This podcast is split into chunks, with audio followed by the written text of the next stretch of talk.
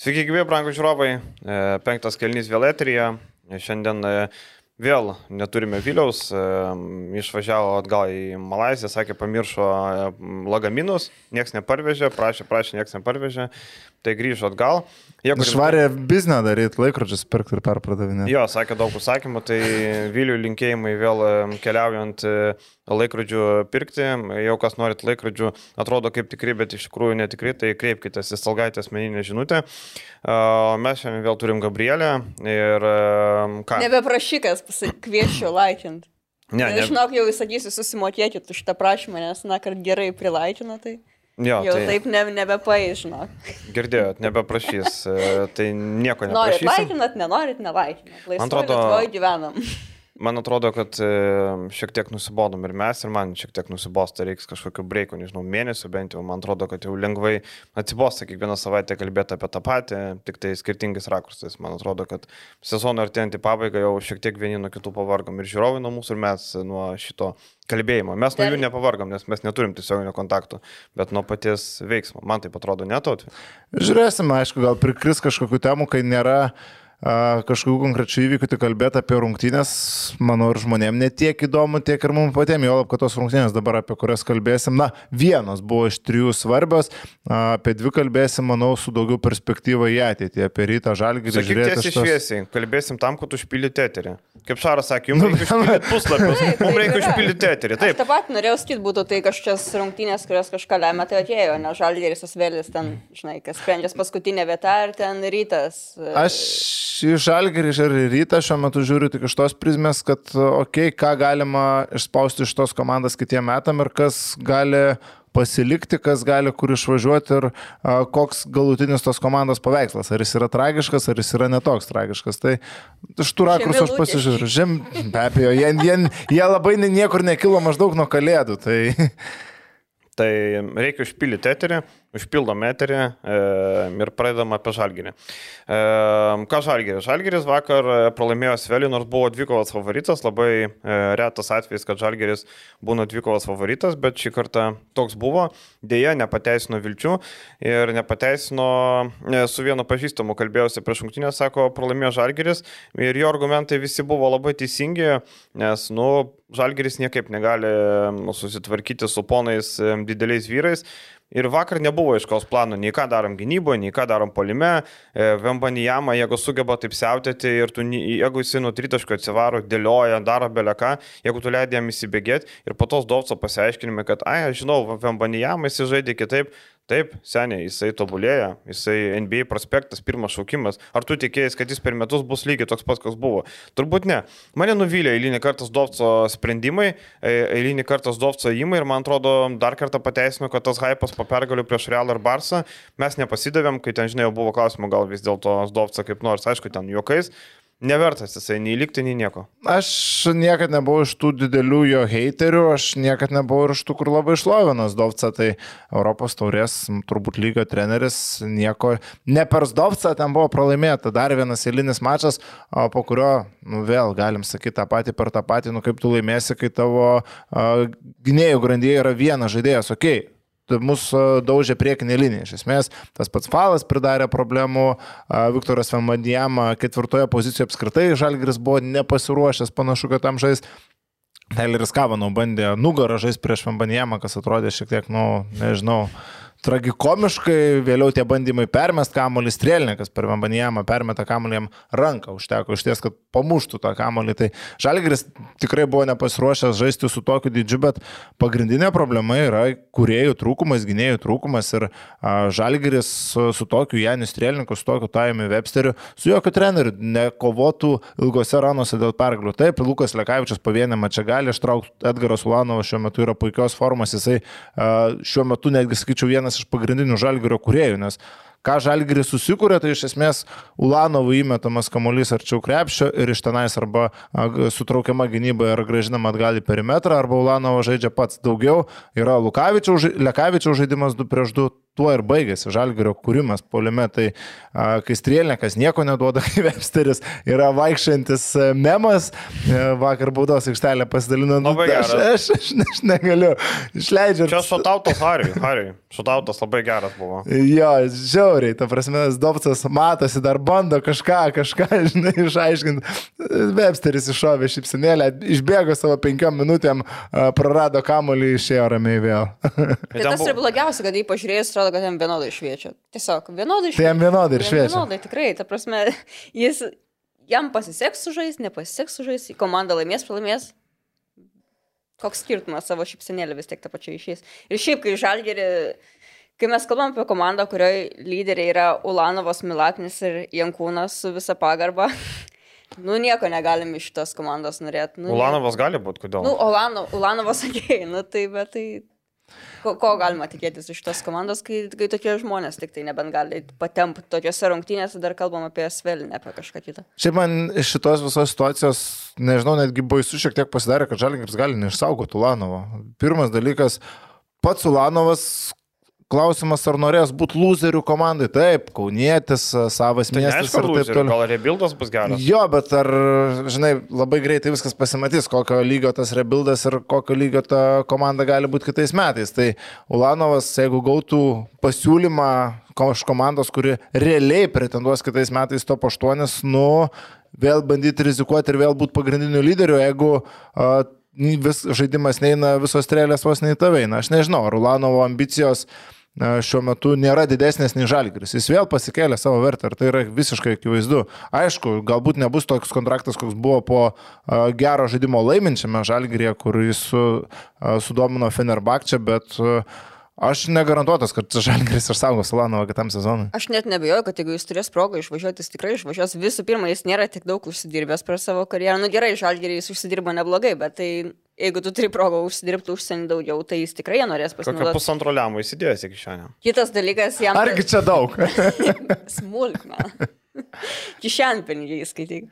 Kitas dalykas, jam tas sezonas Stambulė nenusisekė ir jis tikrai norės dar išvažiuoti pasibandyti kažkur. Jo lab dabar jo pikiniai metai ir taip, kad aš, jeigu jis turės progą išvykti, užsidirbti ir žaisti geresniai komandai, aš net nebejoju, kad jis tą darys. Jis galės grįžti tą žalgerį bet kada po metų, po dviejų dar, jeigu tik jam bus noro. Aš galvoju, kad kiti klubai Ulanovui gali pasiūlyti 600-700 tūkstančių, nemanai? Gali, jo lab, kad Eurolygoje grįžtame prie to, kad nu, nėra tiek daug trečių numerių gerų.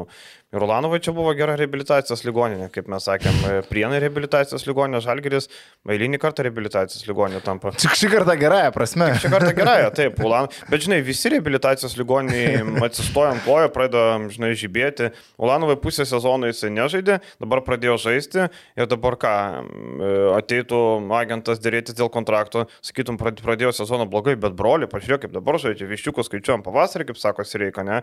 Tai dar jeigu Ulanovas nuskins kokį MVP LKL finalo serijos, apskritai nesulaikomas, ne? Tai Ulanovas tikrai savo, savo atidirba ir aš galvoju, kad bus tikrai pakankamai sudėtingai saugoti jį. O aš Žalgirio vietų ir nepersitinkčiau, tikrai nemokėčiau 600 700 Ulanovui, nes tau reikia gynėjų. Jau tu pasimokė tą skaudžią pamoką. Vakar irgi e, pasižiūrėkim paprastai. E, Lekavičius e, prie normalių aplinkybių e, nebūtų tiek laiko aikštelė ir nestotų gintis prieš Krisą Džonsą, kuriam nuo saldiniukas mesti per Lekavičių. Tu gali, Dž- Džonsas mėgsta aukštai šokęs mesti, jeigu tu esi žemesnis, iškeli rankas, tu nieko nepadarysi, tiesiog jis permeta tave. Ir jisai vakar rinko kaip saldainius tuos taškus per Lekavičius rankas. Tai vien fizinė savybė žaidėjų visiškai kitos Chriso Džonso kūno svorio centras žemas, jis Lekavičio apsistumdė, nors Lekavičius šiaip dirbo gynyboje gerai ir apskritai man šį sezoną Lekavičiaus darbas gynyboje, tas jo kamulio spaudimas jau anksčiau mes kalbėdom, kad Lekavičius gerai spaudžia kamulį, bet dabar tas kamulio spaudimas perėjo į kitą lygį. Jeigu apie Spydį Smithą yra sakoma, kad va jis gali paspausti kamulį, tai Lekavičius tai daro, na, keliomis galvomis geriau, mano supratimu, nei tas pats Spydį Smithas. Tai a, Lekavičius gynyboje nebėra taip stipriai mušamas, bet aišku, aišku, kai atsistoja Krisas Žonsas, kuris, kaip ir minėjai, gerai išsimeta prie žemesnius varžovus, kuris yra fiziškai stipresnis nuo Lekavičius. Kaip. Maiką yra. Džeimsą pastatė ant Lekavičius ir matėm, kad irgi primeti. Tiesiog, na, jis nepauks, gali kiek nori dėti pastangų, nu, ir esi koks esi, nieko nebepadarysi. Ir reiškia, reikia kažkaip slėpti. Vakar iš Dovso pamatėm kišenės vieną nestandartinę įmą. Nilsas Gifais buvo pastumtas į antrą poziciją. Ir čia toksai Šiaip dviprasmės jausmas, ar ne, tarsi ėjimas įdomus, bet jisai visiškai nepasisekė. E, Tau atkarpo aš dar specialiai skaičiavau Žalgirisoje minusą.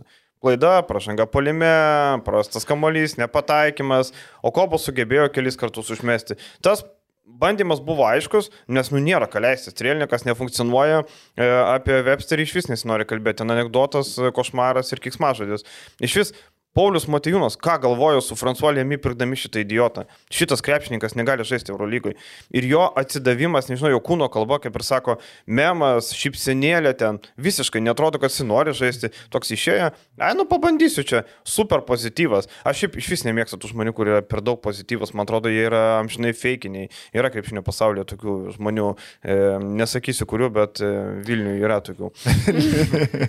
Yra. Fakt, faktas, kad, na, tu turi būti linksmas tada, kada linksma. Kai e, netgi e, dabar Ulanovas, man atrodo, Žalgeris ar Insider ar kažkuriam buvo klausimai, e, kas labiausiai užnusia komandą ir ten šiaip kažkoks žalgerio trumpas ir atsakė, kad, na, kai žmonės po pralaimėtų rungtynių kalba per daug ir nesupranta realios Taip, taip, taip. nuotaikos ir, na, aš pilnai suprantu, faktas, gera nuotaika, pozityvas, rūbiniai gerai, bet Jeigu komandai neina, nu, tai yra natūrali reakcija ir natūralus turi būti ir savęs plakimas. Galų gale, tu atvažiavai žaisti pirmą kartą Eurolygos klubą, tau lubos yra, e, tau grindys tiksliau yra gana žemai ir tu turi nu, lip per save įrodinėti. Ar girdėjot, kad Jūras Dovcas pagirtų Tai Websterių už darbą treniruotis, jeigu būtų už ką pagirti, jis pagirtų.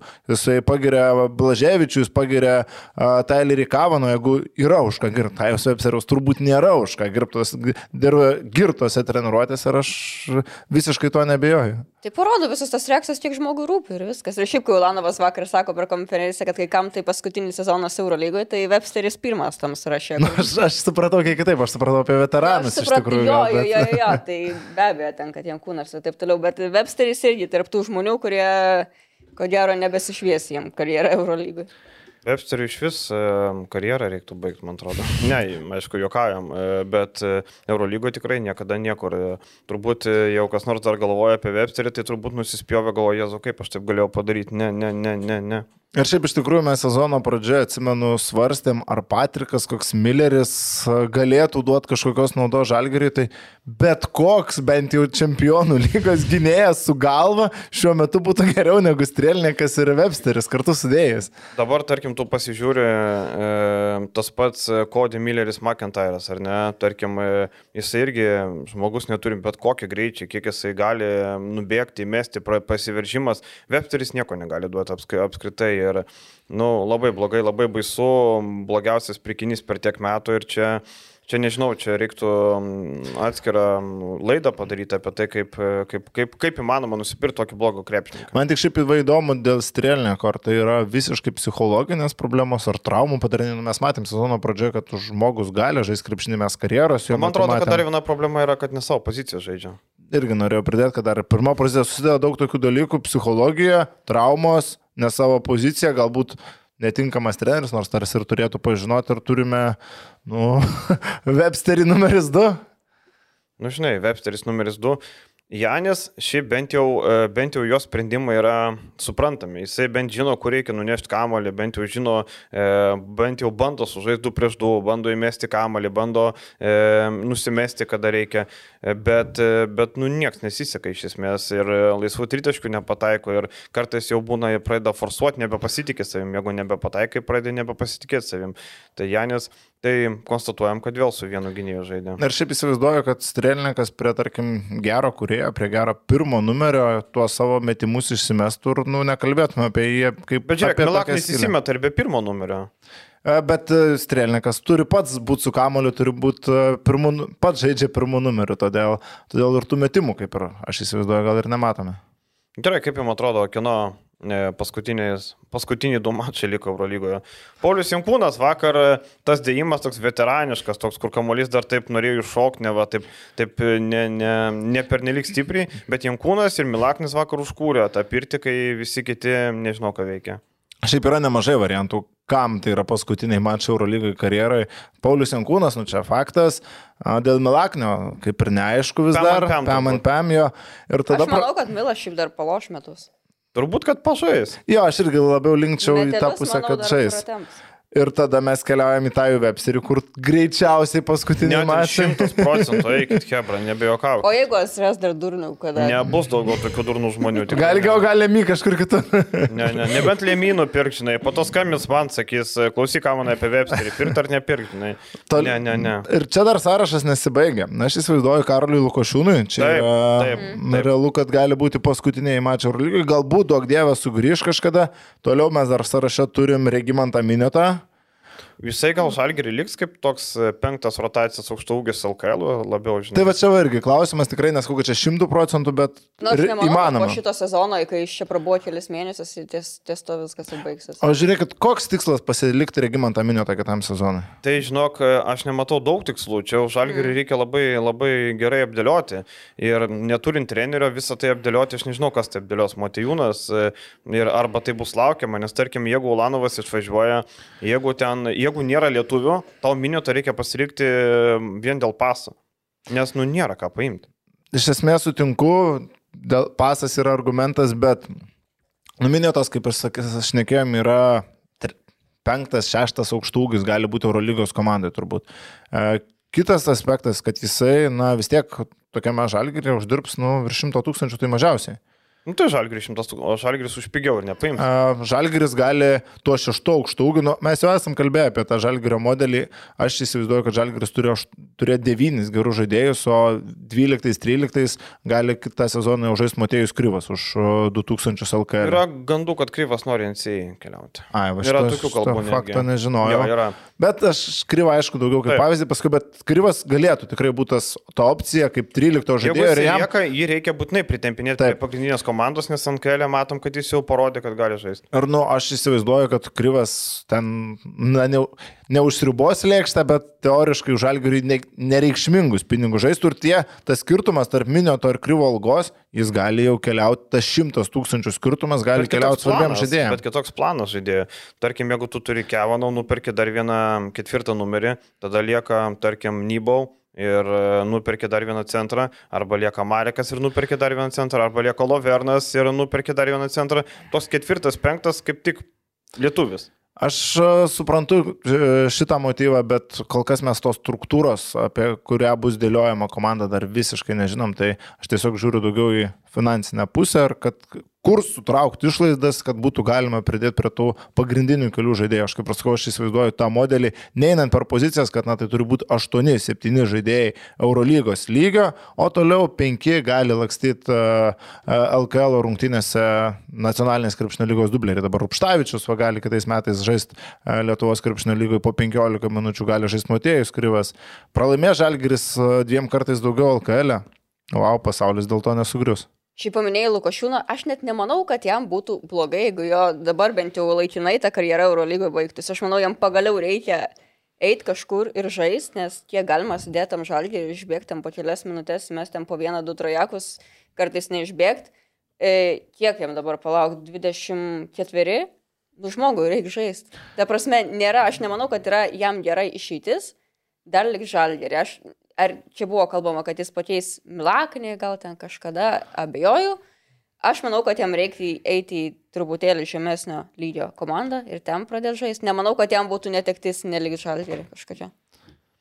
Jeigu prie tų, kur negaus darbo Eurolygoje, Nilsas Gifajas arba Alba arba Eurocapas. Taip. Viskas. E, Bayernas gal e, priglaustų, tarkim, Bayernas irgi vietinių, bet jie ten prisipirkė Geivinų Šilingų, Andrėjus Opstų ir e, visokių OBZ ten ir taip toliau.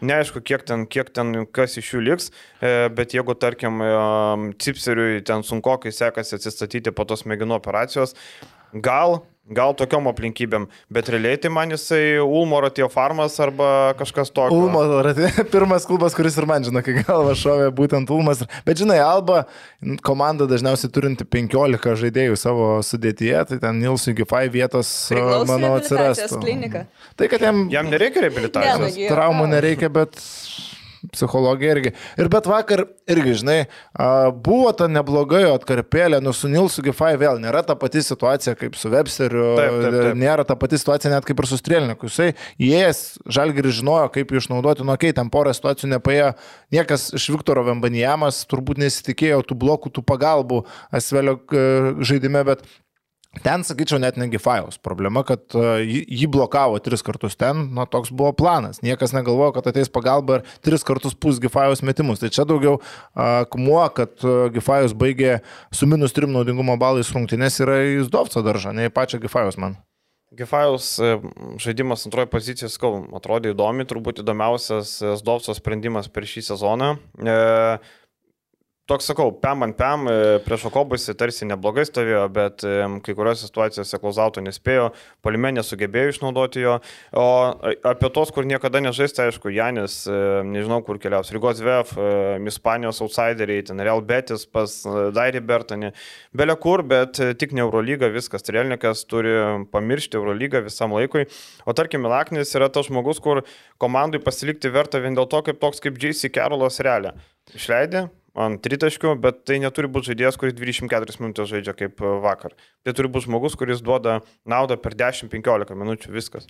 Faktas, kad tai yra žaidėjas, kuris gali įėjęs į aikštę pakeisti uh, dalykus, tai yra changeris, tai yra metikas, tai yra galintis duoti aiškius uh, pliusus polime, bet tai negali būti startinio penketo žaidėjas, ar tai negali būti žmogus, uh, kuris šiuo metu vos ne yra vienas geresnių gynyboje. Nu, jo Milaknis ginasi protingai. Čia yra jo pagrindinis pliusas, jisai jau yra pakankamai patyręs, kad tos savo trūkumus gali paslėpti, bet nu, kai reikia gintis prieš Elio Kobo, kai reikia gintis prieš Marko Sanaitą, nu, tu šikna žemė, rėš, tai, nu, tu negali apsiginti. Jam tik trečioje pozicijoje, tikrai nebe antroje. Taip, taip, taip. Tai čia, žinai, apie tą Milaknio gynybą irgi kalbama, o čia Milaknis neapsigina, bet jis neapsigina ne dėl kažkokių savo mentalinių klaidų, ne dėl tingėjimo, ne dėl dar kažko, bet, nu, tiesiog kūnas jo neleidžia apsiginti prieš tam tikrus varžovus. Ir nu, čia, kaip ir Lekavičiaus atveju, nu, jis nepauks, taip ir Milaknis, nu, jis negali vienas prieš vieną tvarkyti su tam tikrai žaidėjais. Kaip ir Kavanau, vakar nu, prieš Viktorą Vambanijamą po krepšių vargiai galėjo apsiginti, jeigu jam įmesdavo kamolį be pagalbos. Čia jau turėjo būti komandiniai veiksmai.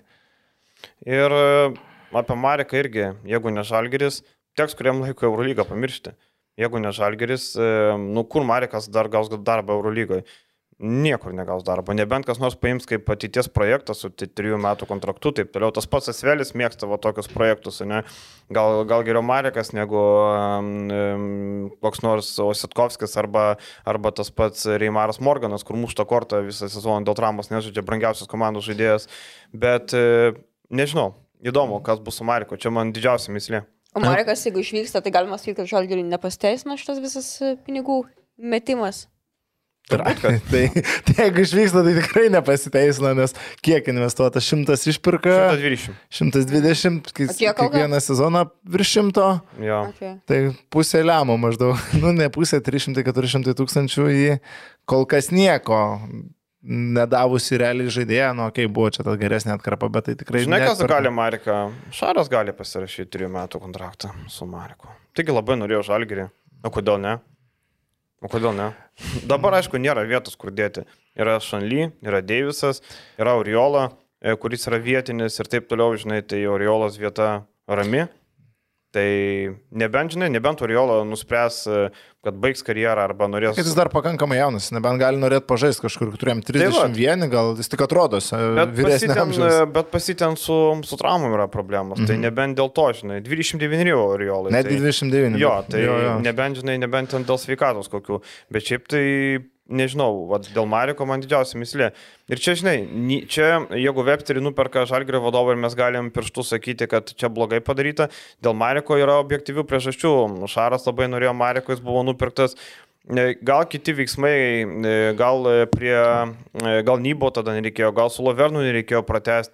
Nu, yra kiti veiksmai, kur galima buvo kažkaip išlaviruoti, bet dabar šitoje situacijoje Marekas, nu nežinau, vakar jis ten išėjo tom trim minutėm, ne, nu ko tu tikėsi iš jo, nu ką, ką jis ten duos, ar jisai gali prieš Falą sustovėti, ar jisai gali prieš Vembanijamą sustovėti. Pagal amžių jisai galėtų prieš Vembanijamą, čia jo, kaip sakant, jo, jo, jo žmogus, bet e, pagal žaidimą, ne? Tai žinai, gal ilgesnį, jeigu būtų gavęs daugiau laiko prieš Vembanijamą, jeigu Vembanijamą penktų numerių, tai gal Marekas ir būtų kažką padaręs, nes skirtumas jo nuo Nybo yra tas, kad jis gali pataikyti iš vidutinio nuotolio ir to pačiu ištraukti Vembanijamą iš pokrepšio.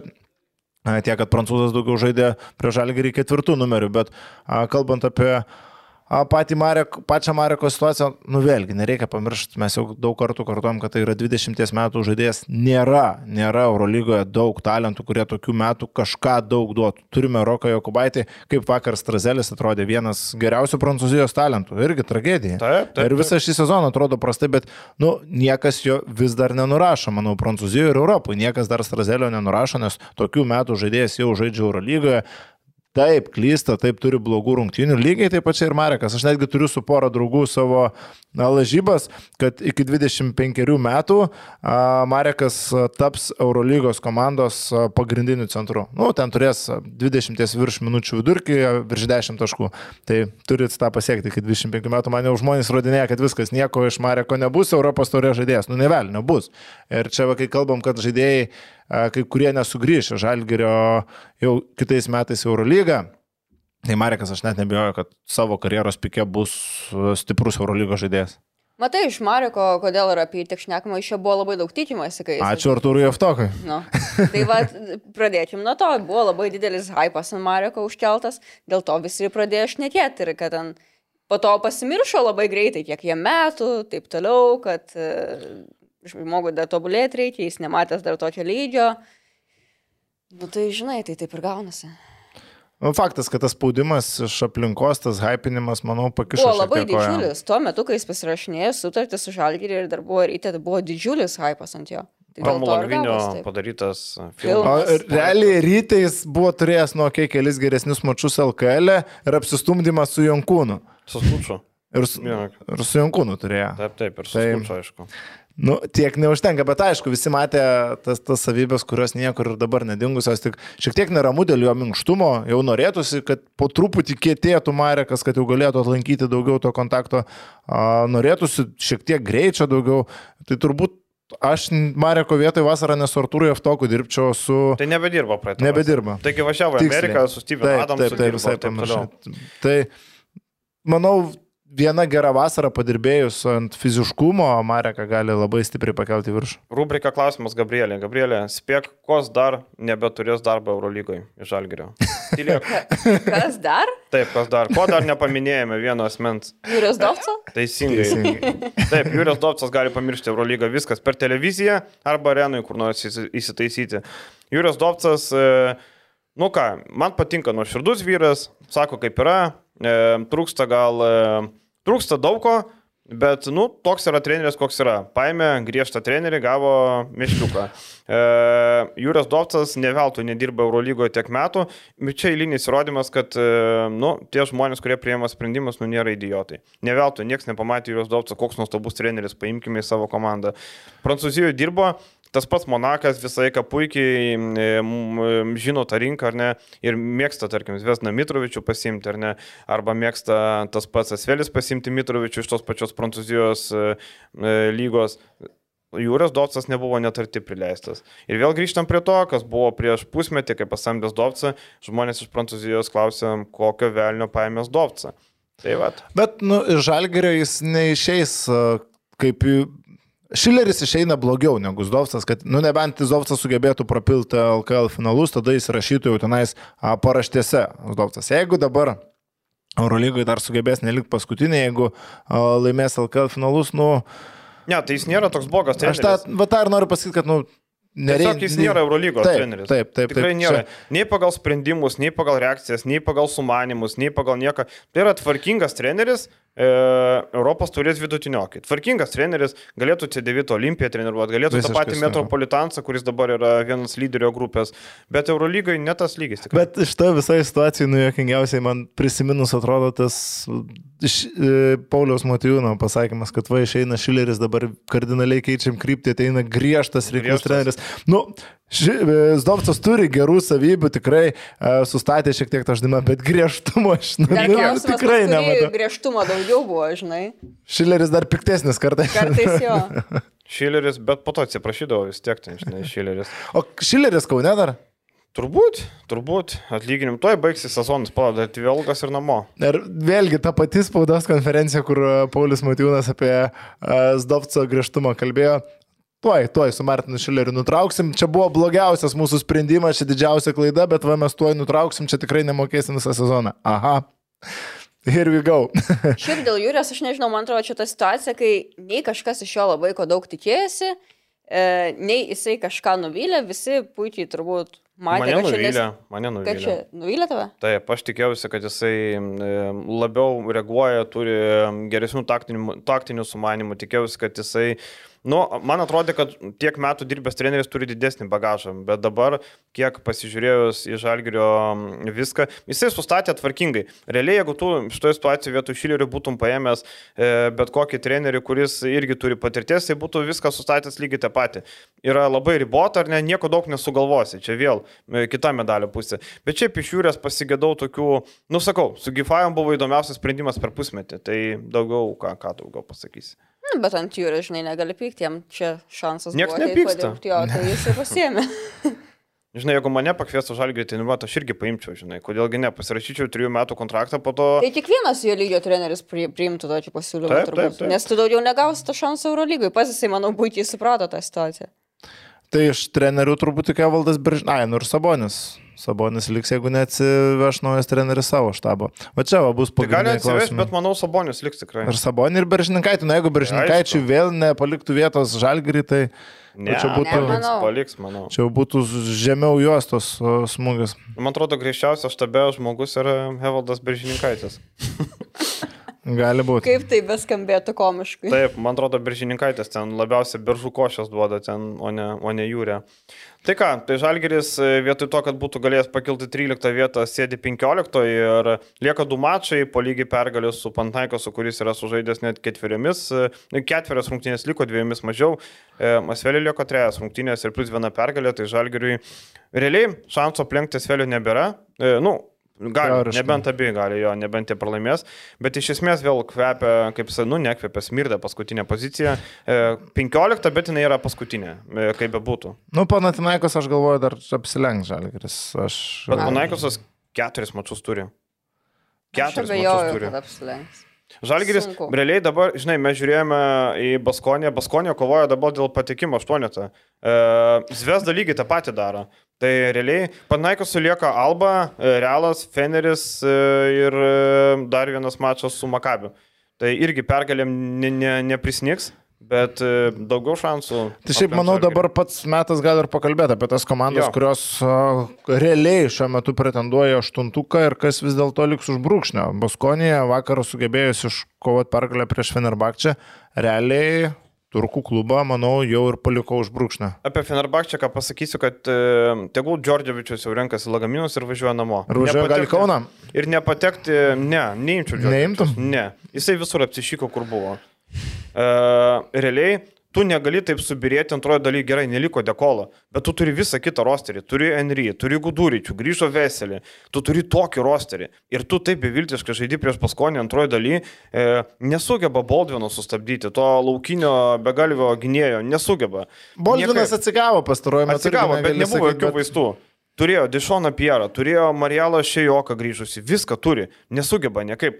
Viskas, e, Džordževičius kraut lagaminus, o Fenerbakčiai nors jau turi penkis mačius, teoriškai dar gali šokti, nematau jų to paštuonio. Ir žinai, tas verkimas Fenerbakčia dėl skaičiavimo sistemos, kad jūs panašu ir be e, vis, visom skaičiavimo sistemom būtumėte likę be... Vakar Twitter'e Nadolo fanai trolino, Feneris sako, kad oficialų nepatenka dėl to, kad pralaimėjo prieš paskonį, dėl to, kad Nadolo balsavo už, už, už ne taip, kaip palanku. Realiai būtų pasiemę šitą pergalę, 10 galėtų dar jie ten to- toliau, toliau būti kovoje, dabar 11 vieta ir šansų, šansų praktiškai nebelieka. Nors ir sužaidė dviem rungtynėm mažiau už Monaką, trim mažiau už e, Baskoniją, bet e, vargiai, vargiai. Toliau žiūrim, e, Baskonė 11-15, du mačai, teoriniai šansai, realiai teoriniai, reikia laimėti abu mačus, e, nes su 12 nepateks, reikia Nu, laimėti. abejas vienas rungtynės prieš Eurolygos outsiderį tai turėtų laimėti. Taip, prieš- o kitos rungtynės gyvenk Mirk Mamon Monakė po dviejų, rytoj penktadienį e, prieš Monaką. Zvezda 11-13, keturi mačai liko, irgi visi šansai patekti toliau. Monakas 12-13, 3 mačai liko, reikia imti bent dvi pergalės. E, Makabis 12-11, 5 mačai liko Makabiui. Tai Makabis, šiaip Makabis e, matėm, kad rungtynėse su, e, su kuo čia žaidė, su šitais, kaip užkrito, su, Ba- ne su Bayernu. Su Bayernu žaidė, ne? Ne, Panaikas su Bayernu žaidė. Su Milanu. Taip, Jo. jokių šansų Milanui, absoliučiai nei vieno šansų Milanui. Ir Makabis su asistentu, asistentas iškaršė kailį porą, po ponui Mesinai, kaip turi būti. Po to Mesina Krepšinio pyko. profesoriui. Ir ponas Mesina. Pyko, kad e, kai rankas spaudė, dar ten tritaškiai sūdė, nors skirtumas jau buvo toks, kokio reikėjo. Šiaip pasižiūrėjau dabar Zvezdos tvarkaraštis dar gana neblogas, dabar su Berlyno Alba. Alba teoriškai irgi dar su devyniam pergalėm. Teoriškai ne. Nu, ne. gali 14 turėti taip, teoriškai, bet reikia viską laimėti. Taip, taip, Vargu, taip. vargu. A, Vargu tai Alba kaip ir a, įveikiamas varžovas, toliau Bayernas. Žalgeris ir Anadolu. Tai jeigu tas tris pergalės išėlės pasėjimas, Vesdas, sakyčiau, aštuonetė. Andrėjo Tinkerį labai e, buvo piktas, bet piktas ne dėl pralaimėjimo, piktas dėl to, kad, sako, aš pirmą kartą karjeroje su situacijoje, kai nevaldau dalykų. Bairnas buvo neblogos formos, buvo įsibėgėję, buvo pradėjo žaisti, bet e, koronavirusas visiškai išguldė ir Bairnas buvo leisgyvis su Bananaikosu, visiškai leisgyvis. Kai kurie žaidėjai prašydavo kitimų po 2-3 minučių, e, Bairnui reikės laiko ir jiem labai pasisekė, kad šią savaitę jie neturi antrų rungtynių, nes būtų visiškai numirę. E, ir taip, tas fizi, fizinė kondicija nėra gera, tad iki rungtynių su Milanu, principinių rungtynių su Milanu kitą savaitę bus bent laiko šiek tiek atgaivinti plaučius. Jo, bet labai jam nelaiku tas tapo. Kai dabar labai, labai, labai reikia, nelabai yra kada atsigavinėti. Realiai su 12-11 likus dar tiek mačų, jie gana, jie gana Jie patogioje situacijoje. Taip, taip. Jie, kaip sako, amerik amerikiečiai, e, driverio pozicija, vairuotojo pozicija dabar sėdi. Visiškai keliaivio pozicijoje e, Monakas, kuriam reikia nimti. Ir šiaip Anadolu labai gerai pagerino savo situaciją. Ranadolų rungtynė su Madrido Realu realiai parodė, nenurašykime Anadolų FS dar šitam O sezone. man ir- parodė, kad labai didelių problemų turi realas. Ir šitą parodė taip pat, ta prasme, gynėjų skirtumas tarp Realo ir Anadolo FS, kurie ir nulėmė rungtynės, buvo milžiniškas. Ok, Gabrielis Dekas sužaidė fantastiškai realią, čia turbūt... Karjeros mačas. Turbūt visus netgi nustebino, kad taip greitai sugebėjo duoti naudos jie buselė, vėl buvo geras, bet vėl tai yra priekinės linijos žaidėjai. Ertelis prieš Larkiną ar prieš Micičių, nu, atrodė kaip a, Tajus Websteris prieš... Aš tą patį norėjau sakyti, kad realų gynėjai prieš Anadolų atrodo kaip žalgerio gynėjai. Visiškai. Ir ten e, pagaliau, šiaip e, dėl ko kritikuoja Pablo Laso pastaruoju metu, kad e, jisai nori, jis turi talentingiausią, gi- geriausią gynėją savo grandy yra Williamsas Gostas. Bet jis jo nepasitikėjo, nedavė žaisti. Geriau du- duodavo žaisti visokiam užrybėm, Erteliam, Alosenam ir Nunėzam. Bet Ertelis labai ribotas ir jis labiau atlikėjas negu kuriejas. O Gosui nedavė žaisti ir dabar pastaruoju metu jau pradeda daugiau Gosui duoti. Štai tarkim 26 minutės prieš Anadolų. Jau daugiau laikas didėja, jau daugiau pasitikėjimo. Turi įsižais Gosas, kitaip realui viskas. Arba Faktas. Gosas, arba viso gero. Jūlas gali lempiniais tritaškiais ištraukti vieną mačą. Daugiau ne. Ir žinai, mes matom, kad e, ketvirtfinalyje, nu, tarkim, su Makabiu. O į nelengva būtų realų. Repeticija. Penktadienį repeticija. Lab, labai nelengva būtų su Makabiu realu ir su tuo pačiu Monaku. Šiandien. Jo, taip pat, tarkim, pasižiūrėkime, Monakas, apskritai Olimpijakos, kaip vakar atrodė, taip su, su Luku išimtų nubarcokas. Dar kartą įrodinėja, kad nublemba, juo pasitikėti negalima. Lukas du kartus prasižengia, tada a, keliauja e, ant atsarginių žaidėjų solelio pusantro kėlinio ir tada pusantro kėlinio žaidžia be keitimų. Nu, kas čia per rotacijos? Nu, jeigu tai jau būtų taip efektyvu, manau, daugiau trenerių a, kažką panašaus naudotų. Man toks išmušinėjimas a, žaidėjų atrodo beviltiškai. Apie Olimpijakos. Barcokas šiaip baudė savo žaidėjus vakar, nežinau, ar ta bausmė išeis į naudą žaidžiant penktadienį prieš Vilį Arbano Svelį, bet rungtynėse, kai jau buvo garbage time'as, kai jau Monakas pasodino Jamesą. Ar išleido Matijūną? Jo, vis dar lakstė, vis dar lakstė Saša Vezinkovas, vis dar lakstė Kostas Lukas. Man atrodo, tokioje situacijoje reikėjo jau printėsi leisti ir taip toliau. E, nežinau, kam Saša Vezinkovą reikėjo žaisti viršvalandžius, kai jau buvo pralaimėtas mačas. Ir pats Barcokas paėmęs timautą, likus tenai pusė kelnių, buvo viskas aišku, sako, jūs žaidžiate už olimpiakos, jūs neturite teisės rinktis, kada kovot, kada nekovot. Supras, kad čia dabar jūs atidirbinėjate savo lažą, žinai, kaip turi atidirbti ponui lažą. Tai čia vakar ponui lažą atidirbo Vezinkovas, nu kam Taleriui Dorsi 31 minutę žaisti? Kam žaisti Sašai 32 minutės, kaip, kaip penktadienį laukia dar vienas mačas. Nesuprantu šitos rotacijos. Nežinau, kam čia bausti. Tu save nubausi greičiau. Ir šiaip praeitam podcast'e aš iššoviau tokį, kad ketvirtfinalio serijos šįmet bus neįdomios. Dabar jau kiti nuomonė. Ne tai, kad keičiu nuomonę, bet matant, kaip pradeda olimpijakos lemiamiams kovoms artėjant birėti psichologiškai, kaip įsibėgėja Anadolo FS, kaip atrodo Madrido realas, nu, tų porų gali būti įdomių. Aišku, viskas gali susidėlioti taip, kad ir vieni vartai. Išeina, tarkim, Cervenas Vesda, išeina Baskonija ir, nu, aš nemanau, nematau nei vienos komandos ketvirtą. Dabar tam, kurioms galėtų įkasti Armanį, Olimpijakos, nu neįkas. Nei Baskonė, nei įkas serijoje, nei Cervenas Vesda neįkas. Gerai, aš siūlau e, trumpas, nu gal nelažybas, šiaip spėlionė, ne? Tarkim, esam tikri dėl penkių komandų. Barça, Realas, Oli, Armanis ir Anadolu tikrai patenka toliau, ar ne? Čia ramu. Trys paskutinės vietos. Ramiai, Bayernas, uh, Makabis, Monakas. Taip kaip ir dabar lygiai. Kaip dabar, ne? Jo, tik Makabis su Bayern apsikeis vietom. Čia Maccabi reikia. Jo, jo, Makabi, reikia. manau, bus aukščiau. Jo. Makabi, Bayern, Monako, ar ne? Gerai, Gabrielė, ką tu manai? A, aš jaučiu tas pačias tris rinkčiaus dėl išdėstymo. Aš svarbu? Nesvarbu? Svarbu, svarbu. Pagal tai skaičiuosim taškus. Aha. Po to, kas pralaimės, turės laužą atlikti pas poną laukia. Vasarą nuvešiu kokius laukus, duosiu dalgį ir reiks, nušienauti. Esi šiandien, kada. E, Su dalgiu, ne, neleido. Dar buvau vaikas, labai norėjau, bet tėvai tada neleido, sako, koją nusi. Tarp kitko prisiminiau iš to krepšinio namų filmo, kol Gabrielė galvoja. E, Atlantos Hawks Vilnius oro uoste stovi, laukia įskristi ir pamatė, kad su dalgiu šienauja.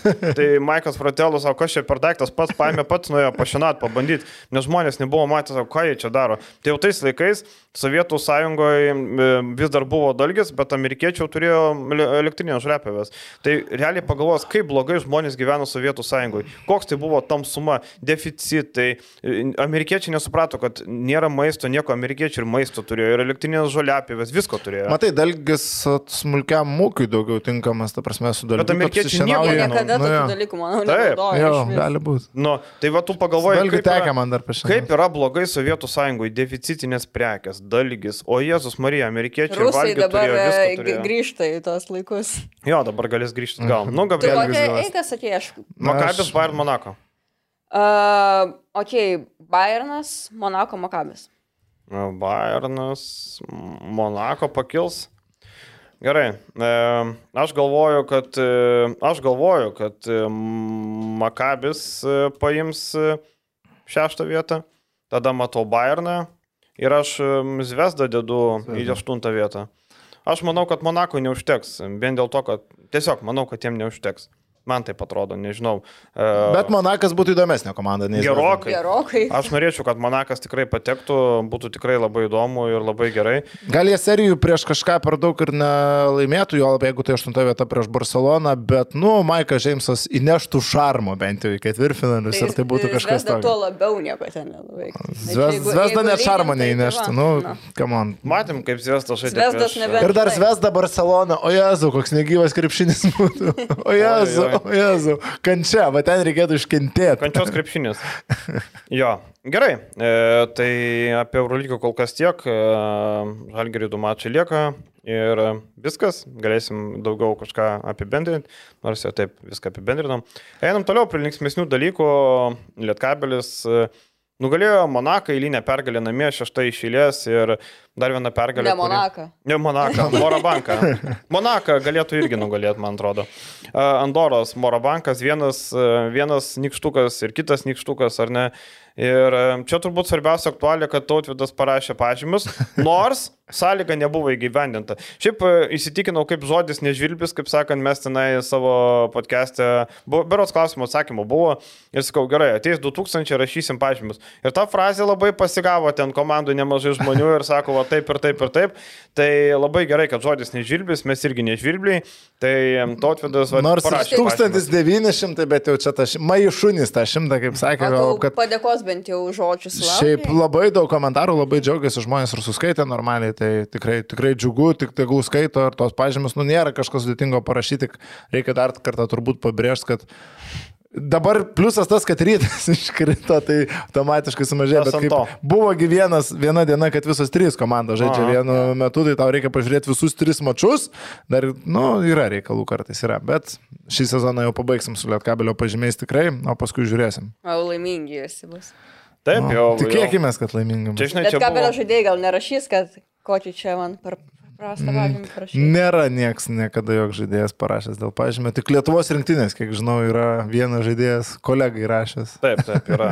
yra. Buvo, buvo tokių reikalų. Um, kažkas gal spėlios kas? Tai Manau, kad- paspėliokit. Paspėliokit. Dar įdomiau. Um, Dėl Lietkabelio, ką mes turim, turim tai, kad um, Lietkabelis vis dar tęsia kovą dėl namų pranašumo um, aštuntfinalyje, šiuo metu 8-5. E, Morabankas 9-5 ir Lietkabelis turi tarpusavą persvarą. E, Paryžius vakar laimėjo 9-5 taip pat. E, Tai realiai šitos trys komandos ir kovoja dėl tos trečios, ketvirtos vietos. Ankaros Turk Telekomas yra pe- šeštas, e, 6-8, bet, nu, šansų mažiau pasivyti Lietkabelį, e, negu, negu neturi. Nu, kaip, jeigu laimėtų prieš Lietkabelį, dar pasimtų pergalio, Lietkabelis nieko nebenugalėtų, tada taip. Bet iš esmės Lietkabeliui reikia imti tą bent jau ketvirtą vietą, kad namų pranašumą turėtų. Bet šiaip šitoje situacijoje man vis tiek darosi kuo toliau, tuo labiau piktą ant Euro, Europos taurės varžybų sistemos. Jeigu anksčiau mes galėjom kalbėti, kad, nu, okei, okay, čia, tarkim, underdogam ga- galimybė iššauti, tarkim, daugiau intrigos atsiranda, tai dabar, nu, lietkabelis arė. Tikrąją to žodžio prasme arė dėl to namų aikštės pranašumo ir, nu, vienos rungtynės ir sezonas baigsis aštuntfinalį ir tai bus, tarkim, nu, neblogas pasiekimas, bet nieko įspūdingo. Ir, na, kai tu sužaidi per sezoną a, 16 rungtynių reguliariam sezonė, viską pastatyti vėliau playoffuose ant vieno mačo, nu... 18. Dėl to, Jo, kad 18. Lokomotiv vis tiek sužaidė Lietkabelis savo tai, tai 18 mačų ir paskui viskas ant vienų rungtynių ir tu 18 mačų žaidi, kad galėtum žaisti namuose tą aštuntfinalio susitikimą. Nu, blemba. Net logikos man čia nėra jokios, juolab, kad Europos taurė a, yra keliala, per Europos taurę yra skiriamas kelialapis į Eurolygą. Nu, tai komandos investuoja pinigus, komandos nori prasibrauti tą Eurolygą ir dabar a, paliekama labai daug atsitiktinumo. Dabar aš suprasčiau, dar bent finalinis ketvirtas, okei, okay, aštuntfinalis serija, ketvirtfinalis serijas ir tada finalinis ketvirtas. Eurolygos, tarkim, principas plus minus. Bet dabartinė situacija, nu, duok dievę, kad Lietkabeliui paeitų su a, varžovais visų pirma aštuntfinalė. Ketvirtfinalis, aš sakyčiau, būtų pakankamai adekvatus Lietkabelio sezonų vertinimas. Nusipelnė šiemet, kad būtų aštuntukė. Aš tai manau, kad Lietkabelis dar čia turi šansų, bet didesnių, nu kaip, okei, ne, nebe didesnių problemų, bet pasims jie tų dar pergalių, nereikės jiems čia labai dar vargt, kaip tu sakai, dėl to namų, namų pranašumo. Ne, nu tai bet kokiu atveju vargti reikia. Nu, vargt reikia, jo, jo, tai čia nieko neskau, čia nėra kažkokie favoritai dideli. Kas čia pala, Ankara dabar. Hamburgas ir- Metropolitans. Iš esmės reikia laimėti prieš Ankarą ir Hamburgą. Reikia pasimti abi pergalės. Ir prieš Metropolitansus laimėti bus sudėtinga. Juolab, kad tai bus antros rungtynės per tą pačią savaitę. Iš karto iš Hamburgo bus kelionė į Paryžių ir taip toliau. Tai reikia nepamiršti šito faktoriaus. O kitas dalykas, jeigu žiūrint toliau, ketvirta vieta, na jau B grupė ryškėja, kas lauktų toliau. Būdašnas, Sidevita arba Virtusas. Tai yra vienas iš tų trijų komandų yra akivaizdu, renkamės Būdašnas. Tai jeigu Akivaizdu. Būdašnas trečioje vietoje, tai imam šeštą poziciją tada. Tada jau Geriau užleidžiam. važiuojame pod Goricą tada. Mm. Jo. Nes uh, su Ljubljana, su Virtusu šansų apskritai mažai. C9 vakar 105 taškus supurtė Umana Rear ir ten 6-7 žaidėjai pelnė dvi ženklį taškų skaičių, tai ten šansų su C9 dabartinė praktiškai nebūtų. Aš galvoju, kad Podgorica turėtų kristi į tą šeštą poziciją, dabar turi po lygiai, bet Podgoricas laukia, na gerai, laukia svarbus mačas su Burgo Breso komanda ir tada laukia Frutė. Abu varžovai veikiami, tai Budašnius gali įsaugoti netgi tą trečią poziciją. Tai Lietkabeliui būtų, šiaip Lietkabeliui būtų košmaras užėmus ketvirtą vietą gauti Virtusą. Čia yra blogiausia, ką, ką galima gauti. visiškai. Virtusas, kaip bebūtų, taip, e, Skariolo komanda nesigina. Taip, Skariolo komanda turi problemų, Bet koks rosteris? Bet tai turi, jie turi Haketą ir Turniką Šengelį, du žaidėjus, kurie ką tik Eurolygoje buvo key playeriai. Tai, Aš manau, šitą komandą, kurios dabar Final Four komanda. nenorėtų labiausiai, turbūt, jeigu reiktų rinktis playoffų varžovus iš ten grupės kažkam, tai Virtusas būtų labiausiai. Ne, tai čia faktas, kad Virtusas yra vienas iš turbūt dviejų, trijų favoritų šiuo metu laimėti Eurolygą kartu su par... Eurolygą, Europos taurę, kartu su Partizanu ir Nu, aš Žoventutą matau irgi kaip realų pretendentą šiuo metu. Realiai Virtusas sulaukė pasveiko Kevinas Hervey. Dar vienas pastiprinimas, kilantis nuo suolo. E, puikia forma rodo Kailas Vimsas. E, mamų, Mamadų G-Techas irgi aikštelėje e, šiuo metu yra geriausias aukštų ūgis rotacijai. Džekaras Samsonas, epizodinis žaidėjas, bet turintis didelę patirtį ir NBA žaidėjas, tikrai gerai papildo komandą. Teodosičius. Menijonas, pridėkime, jaunasis talentas. Belinėlį pasveiks po, po kelių savaičių. Realiai Virtusui nepatekti vėl į Eurolygą su dabartiniu sudėtim su šitas komplektacija, nu čia būtų Maks apsišykimas dar vienas pernai su Džordževičium jau apsikakojo, šiemet būtų su Skariolu, lygiai toks pats apsikakojimas. Dar netgi sakyčiau didesnis, nes su komanda susižaidė Belinėlį, šiemet jau žaidžia, ant, jau, ant, jau pernai žaidė taip, Belinėlį, taip, taip. antrus metus Haketas pasipildo Šengelį, atvyksta čia, nu, Dabar tiesiog viskas pabank sumesta ir jeigu, jeigu nepaeis, tai bus liūdėsys. Kazino Lainas, tumi penktą jo. ryto jau ne vieną paėmė. Ar, ar, ar, ar ant takso, ar ant, ant takso dar ten pasilikę, žinai, viškai. Bet... Porą žetonų kišenį, žinai, e, barmenėje atiduoti tipsų. E, jeigu žiūrėti e, rungtynės, Lietkabelis e, vėl Ispanijos komandos atvažiuoja į Panevežį ir nežinau, ko jos tikisi. Tarkim, Andorra. Andorra šiaip turi problemų, nepaisant geros formos Eurocapė pastarųjų pergalių, bet šiaip Andorra turi problemų Ispanijos lygoje ir kovoja dėl išlikimo, kaip tai beskambėtų. Tai yra komanda, kuri yra galinėse vietose ir vot viena, dviem pergalėm nuo iškritimo ribos yra. Ir vėl prasideda rungtynės e, gynyboje atsinumas visiškas, e, nežinau, ko Andorą tikėjusi, yra žaidė ir pirmam rate ir žino, kas tai per varžovas Lietkabelis. Bet, nu, niekai, pirmam keliny atidavė rungtynės, pirmam keliny, Lietkabelis pradėjo kontroliuoti ir kai Lietkabelis turi pranašumą, jie moka jį saugoti ir moka kontroliuoti mačą. Ir Lietkabelis kaip įprasta atėjo su aiškiai paruoštų planų rungtynėms, čia vėl komplimentai Nenadučianakui, iš karto Džordžia Gagičiui kamuolys arčiau krepšio, iš karto jis išnaudojamas, Gagičius žaidė nedaug, bet kai žaidė, žaidė efektyviai. Berzinis išmetė šešis tritaškius, praktiškai visi jie buvo geri, okei, okay, pataikė du, bet pataikė ir išplėtė tą polimą.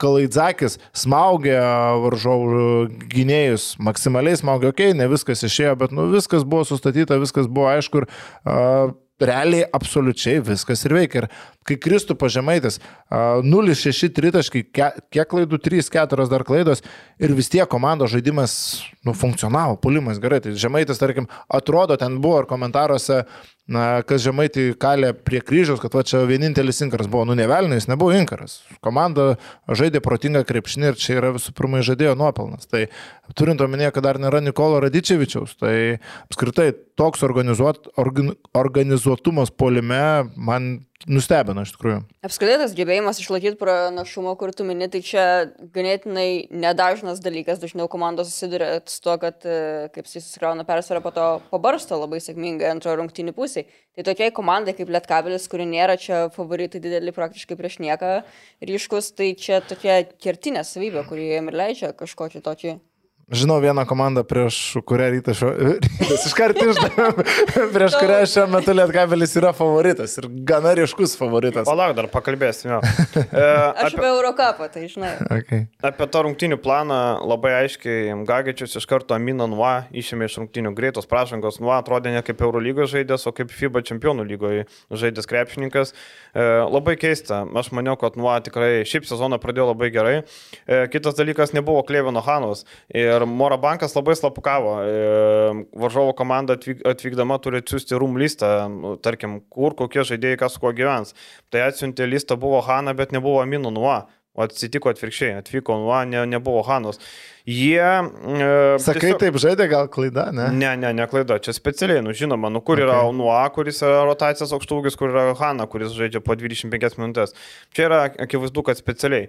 Ir e, Hanna žaidė savaitgalį, viskas tvarkoja, e, bet tiesiog paliko namie pailsinti, nes šiuo metu Andorą žiūri dar ir vietinį čempionatą, jam reikia, jam reikia ten rinktis pergalės. Tai e, ką, ką, ką galima pasakyti, Cody Milleris McIntyre'as man paliko labai gerą įspūdį. E, tai yra žaidėjas, kuris e, neturi didelio polimo skilseto, ne, ne, nemoka pataikyti iš toli, e, nėra geras, e, nėra geras vidutinio metimo distancijose, bet jo pra, prasiveržimas yra labai aukšto lygio. Šiaip jo greitis, kaip jisai greitai perina iš gynybos į polimą, yra fantastika. Ne vieną kartą net po taškų Lietkabelis nespėdavo sugaudyti Millerio McIntyre'o, kuris nubėgo po krepšių ir pelno taškus. Šiaip iš esmės Eurolygos, manau, materialas yra vienas iš tų žaidėjų, kurios galima pasižiūrėti tarp sezonų net ir tam pačiam žalgariui. Mano tekste kur- buvo įskirtas. Iš, iš kur tu daugiau imsi, jeigu ne iš Europos turės, taip deliverančius žaidėjus. Tai visiškai sutinku dėl Millerio McIntyre. Labai Na, labai. aš man net nebejoju, šiaip, kad iš Euro lygio nugriepsi per, per vasarą.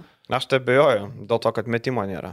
Ne, tai aš irgi tikrai nėra čia tas variantas, kur garantuotai keliaus į, į Eurolygą, bet kad longlistė daugelio komandų tų antros turnyrinės lentelės pusės gali atsidurti, tai faktas, jo, kad tų gynėjų trūksta, tai a, vertas dėmesio krepšininkas. O kas iš Lietkabelio, nu, okei, okay, vis tiek aš, apie Žalgirį kalbėjom, kas tikrai nežais iš Euro- Eurolygoje, kas iš Lietkabelio, kada nors žais Eurolygoje.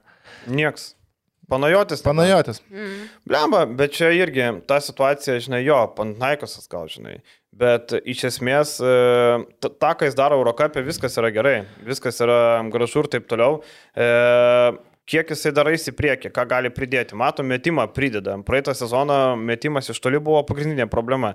Dabar e, panajotis pridės tai. Kamulio spaudimas, atsidavimas gynyboje yra maksimalus.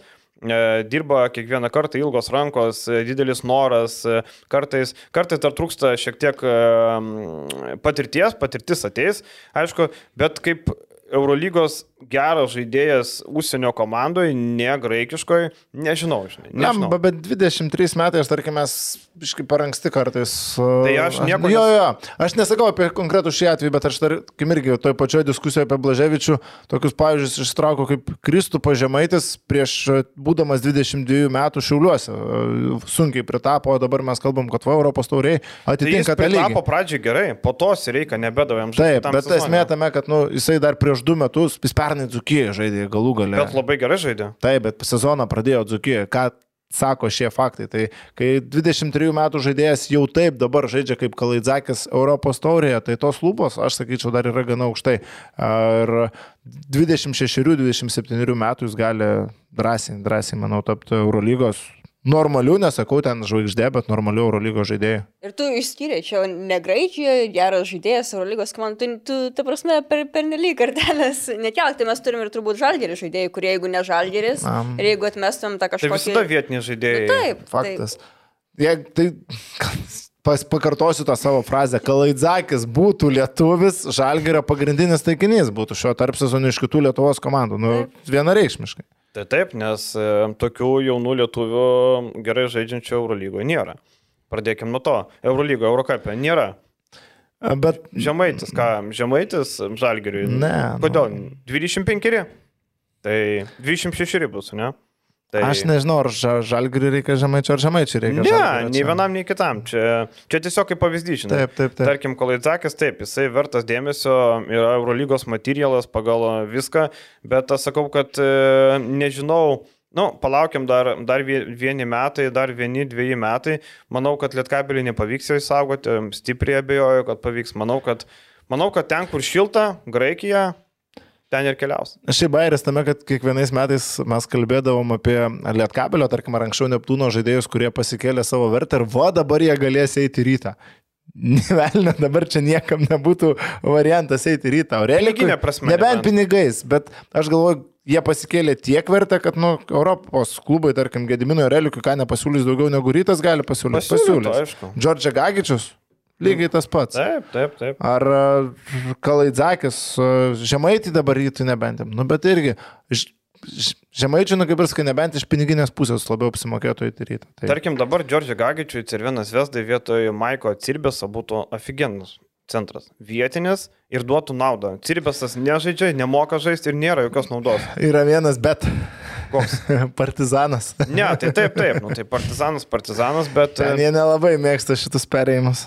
Nu, mėgsta, nemėgsta, bet jie yra. Yra, būna, faktas. va, Tai sakau, toks Džordžio Gagičius e, dabar duotų naudą tenai. Žinai, kokioj roliai kas. E, Dėl Oreliko irgi, e, kur, kur, kur jisai nugulžinai, labai įdomu, kokią komandą paims, bet akivaizdu, kad tai yra kokių, na, 150-140 tūkstančių ne, nu, eurų žaidėjas. Matau, kaip tai. Žėlko Šakyčius. Mm -hmm. Šakyčius žaidė už panašią sumą kaip Orelikas ir po to išvažiavo į Autodorą būtent už panašią sumą, kiek aš ir sakiau. Ir vėlgi, jeigu jisai toks Gediminas Orelikas paklius pas netinkamą trenerį, jis gali vėl sėsti į visišką dugną. Tai yra aiškius pliusus polime turinti žaidėjas, kuris iš ketvirtos pozicijos gali plėsti polimą, gali pataikyti, gali kurti įmetus jam į Ir gali arčiau nugarą krepšio. sužaisti Taip, pat ar sakau, gali kurti įmetus jam nugarą į krepšį žaidžiant ir jis turi aiškius minusus gynyboje. Tai jeigu jo, jo treneris bus koks Martinas Šileris, nu tai gali ir Tai trajeką mes vis tiek. Nu, trajeką bendrai mes, bet Nu. aš daugiau kaip, kaip pavyzdį pasakiau, kur treneris gali neišnaudoti tų pliusų ir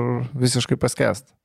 E, ką dar apie tas rungtynės galim pridėti? E, šiaip Kasparas Berzinis, kaip bebūtų, labai, labai buvo protinga dėlionės detalė kuri e, labai turi irgi aišku privalumą. Šiaip Kasparas mane nustebino iš tos pusės, kad jisai gynyboje dar turi labai daug motivacijos ir noro gintis. Tarkim, Lavrinovičiai paskutiniam sezone nebeturėjo nei motivacijos, nei noro, nei galimybių. Tai čia buvo kitas aspektas. Kasparas tarsi galimybių neturi, bet labai daug noro kartais kompensuoja. Kartais jam, žinai, pagelbėjo ir labai ilgos rankos, kur varžovas bando permesti, jam tiesiog reikia pakelt ranką, žinai. Ir atrodo, kad, nu kas tas Kasparas, sulaužysim. Atsiminiai, kalbėjom, kad prieš Lesorą sugebėdavo sustovėti ar ne, sugebėjo kelis kartus. Kasparas mane stebino iš gerosios pusės. Šiaip 36 metai, 2 metrai 13 cm, nu čia yra unikalu, kad žaidėjas nebūtų rėtis gynyboje su Šiaip tokiais duomenimis. Gynyboje prastas, bet pastangos yra maksimalios. Bet nerėtis, nu ta, ta prasme. Pagal savo amžių ir pagal savo galimybės, kurias turi, tai jo. Jo pagal jo fizinės savybės, netgi iš tikrųjų jis būdamas jaunas jau turėtų būti atakuojamas 2 prieš 2 situacijos, o dabar 36 metai, nu tai okei, okay.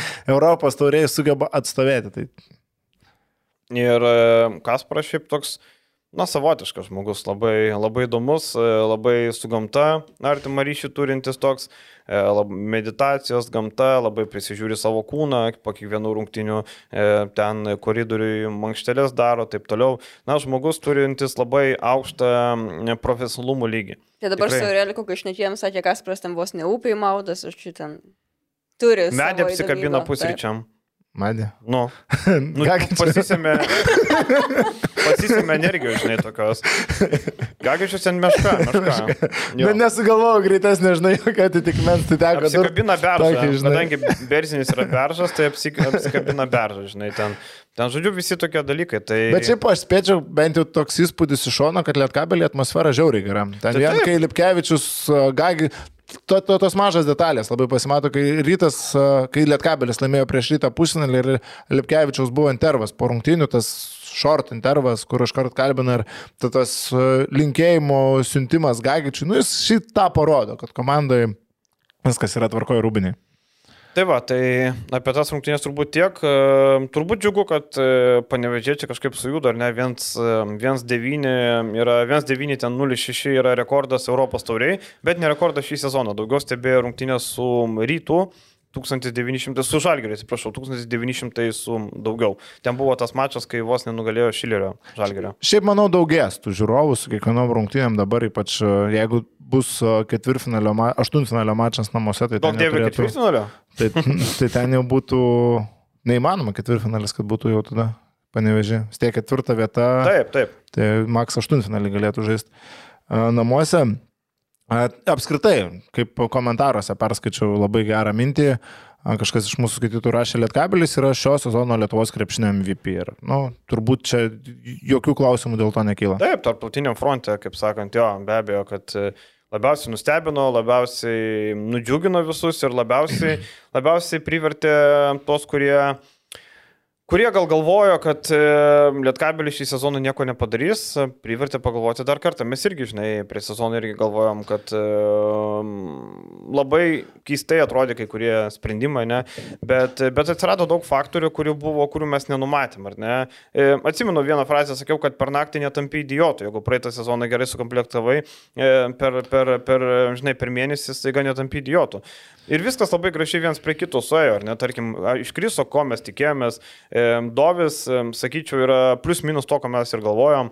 E, Radičevičius yra nei yra tikėjomės. geriau, bet tik tai ta prasme, kad e, daugiau geriau žaidimą kuria, bet metimas viskas tas pats, e, 18 procentų tritaškis niekur nepasikeitė. Bet mes atsimenu ir sakėm, kad Čanakas, nu, jeigu jis žino, jisgi žino, kad Radičevičius nepataiko, tai jeigu jis ima, jis žino, ką jis ima, tai čia ne, ne mes vieni sugebam pasižiūrėti jo statistiką Lenkiją ir matyti, kad jis nepataiko iš trijų taškų zonos, bet matyti tokio žaidėjo reikėjo, ar, nu, pasiteisino visiškai. Dėl Oreliko turbūt niekas nesitikėjom, kad tiek gerai bus puolime. Porelikas ir Panajotis yra du žmonės, kurie žaidžia trigubai geriau negu gauna pinigą. Tai jau Kalaizakis turbūt net penkis kartus geriau, gal netgi Dė- dėl Oreliko ten 2, 2,5 tebūnė, ne. Bet tai yra žmonės, kuriuos tu perki už 5000, jie tu žaidžia už 15. Lygiai taip pat, kai atsimenam, Lietkabelis buvo su Šakyčium, e, Dimša, tai buvo lygiai tas pats. Tai tas pats Lipkevičius, nu visi žinom, kad jis geras, bet jis dabar tokioj geroje aplinkoje Bet jis gerai žaidė ir praeitą sezoną. Tam, tampa tuo žaidėju, kuris kliuoja apskritai visą komandą, nebereikalai žaidžia po 30 virš minučių, kartais daro ten tos dalykus, kurių niekas kitas negali padaryti. Tai Lipkevičius irgi labai svarbus raiktelis šitoje komandoje. Ir, Nestebina jisai to. nu, aš tai sakyčiau, kad šiek tiek stebina, tarkim, ir Lipkevičius šiuo metu yra vienas geresnių savo pozicijos žaidėjų Lietuvos krepšnio lygoje. Tai, Na tai jau ko tu tikės? Nu. nu, blemba. A, ar dabar reikėtų rinktis kokį Radzevičių, ar Butkevičių, ar Lipkevičių, aš dar pagalvočiau. Nu, žiūrint į kokią komandą, o algos skiriasi, nu, Radzevičius gal nesiskiria, nežinau. A, Lipkevičius, nu, jau buvo toks, nežinau, paraštas gal netinkamas, bet niekas jau jo nelaikė nu tokiu Europos taurės komandos lyderiu. Dabar jis toks yra. 32 metai, dar 303 sukaks, tai dar, Ne dar yra daug senas. laiko. Jo. Dar galvoju, gali ir užsienį išvažiuoti po šito sezono. Vargu, manau, kad nebevažiuos. Labai jam patinka, reikia šeima, viskas, darželiai, parkai, viskas. Nemanau, kad važiuos kažkur. Manau, kad Lipkevičiui ir Lietkabeliui palanku būtų dar dviem metam pasirašyti kontraktą ir viskas. Ir labai būtų gerai ir vieniem, ir kitiem. Arba tas čia tas žaidėjas, kur nulėt kabelis turi šiek tiek paploninti savo piniginę, kad, nu, išlaikytų šitą žaidėją, šiek tiek pakelt. Nu, reikia, reikės kažką išlaikyti, ne? Ne, tai reikės. Tai žinai, tas pats Džordžia Gagičius irgi buvo akivaizdu, kad iš jo gausi, labai gerai, kad jisai liko, nes matėm, kad loterijų su centrais, ten pernai, kai atvažiavo Marinas Maričius, nu tai buvo košmaras. Ten buvo toksai durnelis, kur galvojo, kad jo neišnaudoja, kad jis yra geresnis negu, negu čia jisai gauna žaisti. Bet Marinas Maričius ir Gagičius yra skirtingų kategorijų žaidėjai. Marinas Maričius yra vidutinių Izraelio, ten ir kitų komandų žaidėjas. Gagičius yra su gera patirtim, gerose klubuose ir kas svarbiausia, išėjęs labai gerą krepšinio mokyklą. Tai labai matosi. E, Ką, ką Jonas Vainauskas visai akcentuodavo, kodėl jam patikdavo pirkti žaidėjus iš serbų kraštų, iš Balkanų kraštų, nes jie turi labai gerus krepšinio pamatus. Gerą IQ, gerą supratimą, gerus įgūdžius. Tai va ir viskas. Tai čia akivaizdu, kodėl tie žaidėjai labai paklausus. Nes jie, kaip ir lietuviai, labai mėgstami irgi, ne? Nes jie irgi yra geros krepšinio mokyklos. Gal dabar jau mm, kartais nelabai būna gerų krepšinio mokyklo, ne?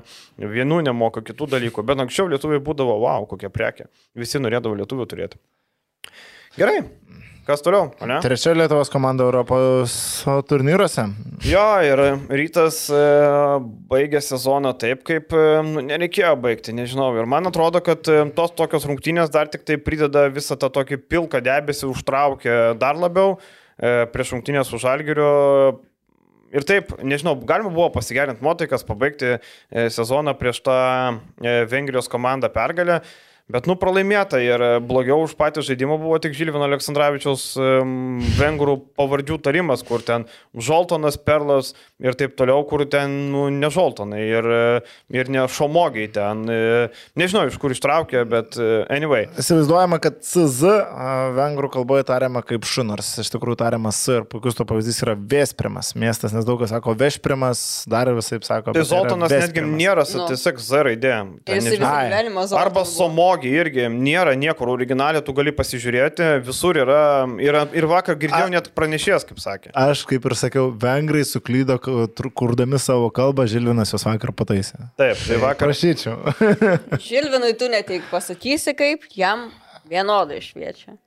Ir, nu, ką, ką galima pasakyti, apie tas rungtynės nėra ką ten daug kalbėti. Man atrodo, galima pakalbėti apie visą sezoną toj čempionų lygo. Mes su Olgiu kalbėjom, aš daviau 7 su 2 geležinkeliais, dabar duodu 6, po paskutinio pralaimėjimo duodu 6, nes nu, tikėjausi, kad tuos vengrus paliks be pralaimėjimų ir pasigerins nuotaiką bent kažkiek prieš po pastarųjų tų, tų visų dalykų, bet matom, kad nepavyko to padaryti niekaip. Ir šiaip tai vengrai irgi vakar trenerio veidė.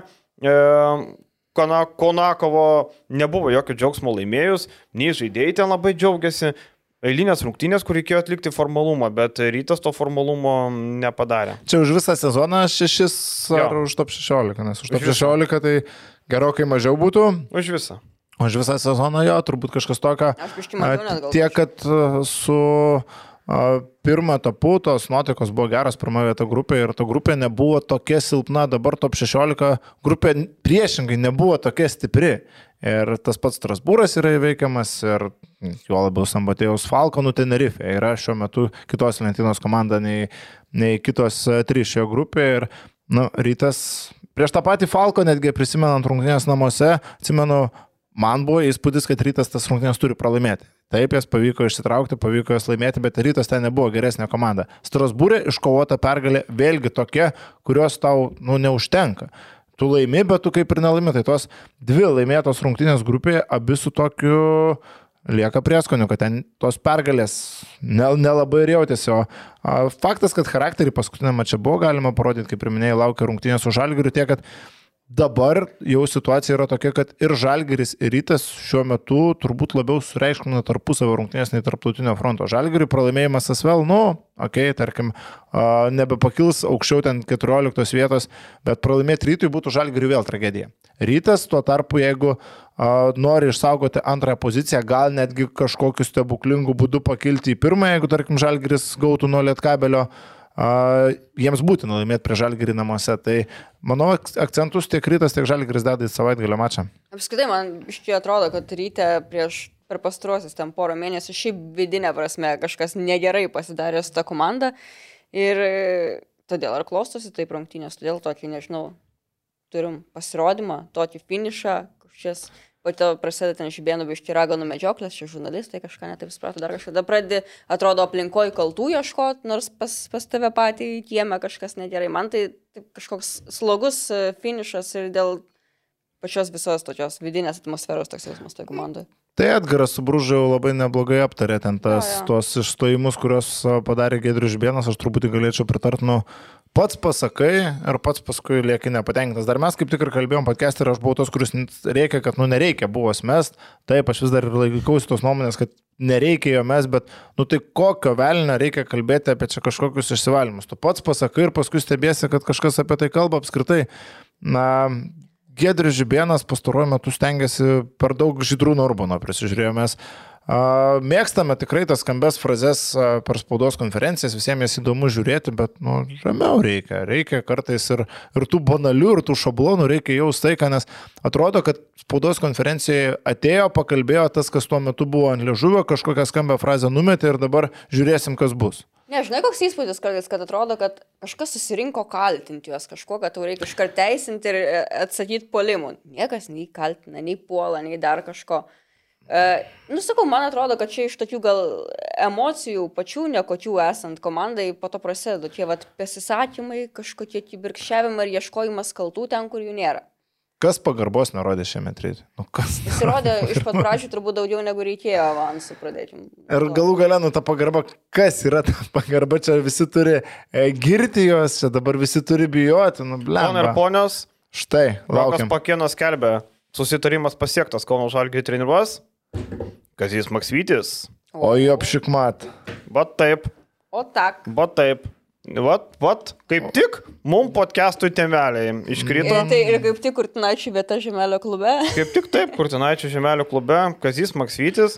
Ir matom, kad Rokas Gerai, pirm- serviruoja. Pirma mintis, kad e, sezonui nepasibaigus, e, kad išlenda šitą informaciją žalgiriui yra dar vienas sakmo į daržą su komunikacija ir kaip neišsaugomi šitokie dalykai. Nes dabar a, Jūrijos Dovcas jau žino, kad jį pakeis, komandai nešama šiokia tokia sumaištis ir tokie dalykai neturėtų išlysti.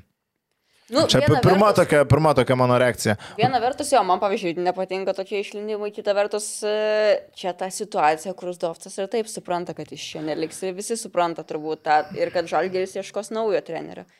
Jo, nelaiku gal išlendimas, bet žinai, čia ne ta situacija, kur gal treneris svarstytų, kad jis gal liks, gal, gal ne, gal nežino, gal dar kažkas. Gerai, e, labai čia įdomi. O, čia dabar jo, iš karto, bet, nu, aš tai skersai iš karto žiūriu. Pats Kazis Maksyvytis ką tik kalbėjo, kad ar, ža, ar tu lauktum, Pas Karolį taip, Tiškevičių. pas ar tu lauktum manęs, nu, ir ar mano atsakymas irgi būtų, kad ne, nelaukčiau. Ta Tai prasme, yra surinktinė. įdomu tai, kad turbūt, kad Kazys, turbūt, kad susitarė e, kažkaip Žalgeris, nežinau, ruošį sezonui. E, Turbūt privalumas vienintelis dalykas tas, kad dabar Kazys jau nebeturi darbą ir galės komplektuoti Žalgerio komandą. Turbūt, jeigu jis būtų vis dar dirbęs permiai, šito susitarimo nebūtų buvę. Tikrai Labai geras pointas, atsimenu, dar ir kalbėjom, kad e, reikia imti tokį, dar net nebuvo prasidėjęs karas Ukrainoje, kad reikia imti tokį trenerį, kuris šiuo metu jau galėtų bražyti kito sezono kontūrus, tai čia šitą išpildo šimtų procentų. Ir kaip atsiminė, mes kalbėjom, kad Kazys neįmanoma, kad jis rūpintųsi rinktinė, permė ir dar komplektuotų Žalgerį. Čia būtų Taip. tumač. Dabar Kazys nieko neveikia. Kitas dalykas, mes taip pat kalbėjom, kad Kazis nėra komplektacijos treneris, Taip. kuris nu, neturi nei kažkokių didelių įgūdžių Eurolygo žaidėjų rinkime, nei kažkada Nei to patirties garsėjo, rinkti patirties. tokio masto žaidėjus. Viena yra nupirkti Lorenzo Williamsą į Lietkabelį, kita yra nupirkti gerą žaidėją Žalgerį. Čia yra labai dideliai skirtingi dalykai. Čia, Čia žinai, iššūkis o, maksimalus, Kazijui dabar. Čia bus. kaip nupirkti Maikę Zarą ir nupirkti Maikę, žinai, Gucci. Tai čia yra ambiškai skirtingi dalykai. Aišku, Gucci Maikę lengviau nupirkti, ko, kokią be pirksi, visos bus geros kokybės, žinai. E, tik brangiau kainuos. E, dar ką žiūrim, e, gerai, Kazis ateina treniruoti iškart po rinktinės. Vadinasi, Žalgeris pasiruošime turės dirbti su asistentais. Gintaras Kadžiulis turi naują darbą, panašu, ne? Vėlgi, aš to pasiruošimo galbūt per daug o, nesureikšminčiau, tiek jeigu yra fizinio rengimo, fizinio rengimo trenerio nemažas darbas. Bet jau rugsėjo ten- vidury jau daug žaidžia draugiško. Eurobasketas baigsis rugsėjo vidury. Jau daug sužaista draugiško. Jo, tai va tavo laikotarpį fizinis rengimas tenais vyriausiojo trenerio nereikia, bet a, kai prasideda draugiškos rungtynės, Žalgiris vėluos sezone. Ar Žalgiris turi teisę vėluoti ir įeiti į formą šiek tiek vėliau? Turi turbūt. Turbūt turi. A, Eurolyga prasideda šiek tiek vėliau nei LKL. -as. Šiek tiek laiko bus LKL, ten tų pirmų mačų turbūt sureikšminti nereikėtų, ir Žalgiris ten galės įsibėgėti jau su atvykusiu kaziu, tai prabanga šiokia tokia yra dė- dėl šito. Tik vat dėl tos komplektacijos. Pagrindiniai klausimai, kiek a, kazys Paimkim galės. tai pavyzdį, padaryti. paimkim pavyzdį, praeitis metas, na, prieš šį sezoną, e, Eurobasketas šiemet baigsis rugsėjo 18. Žalgeris iki rugsėjo 18 pernai buvo sužaidęs penkerias draugiškas ir 20 dieną jau startavo maču Jonavoje.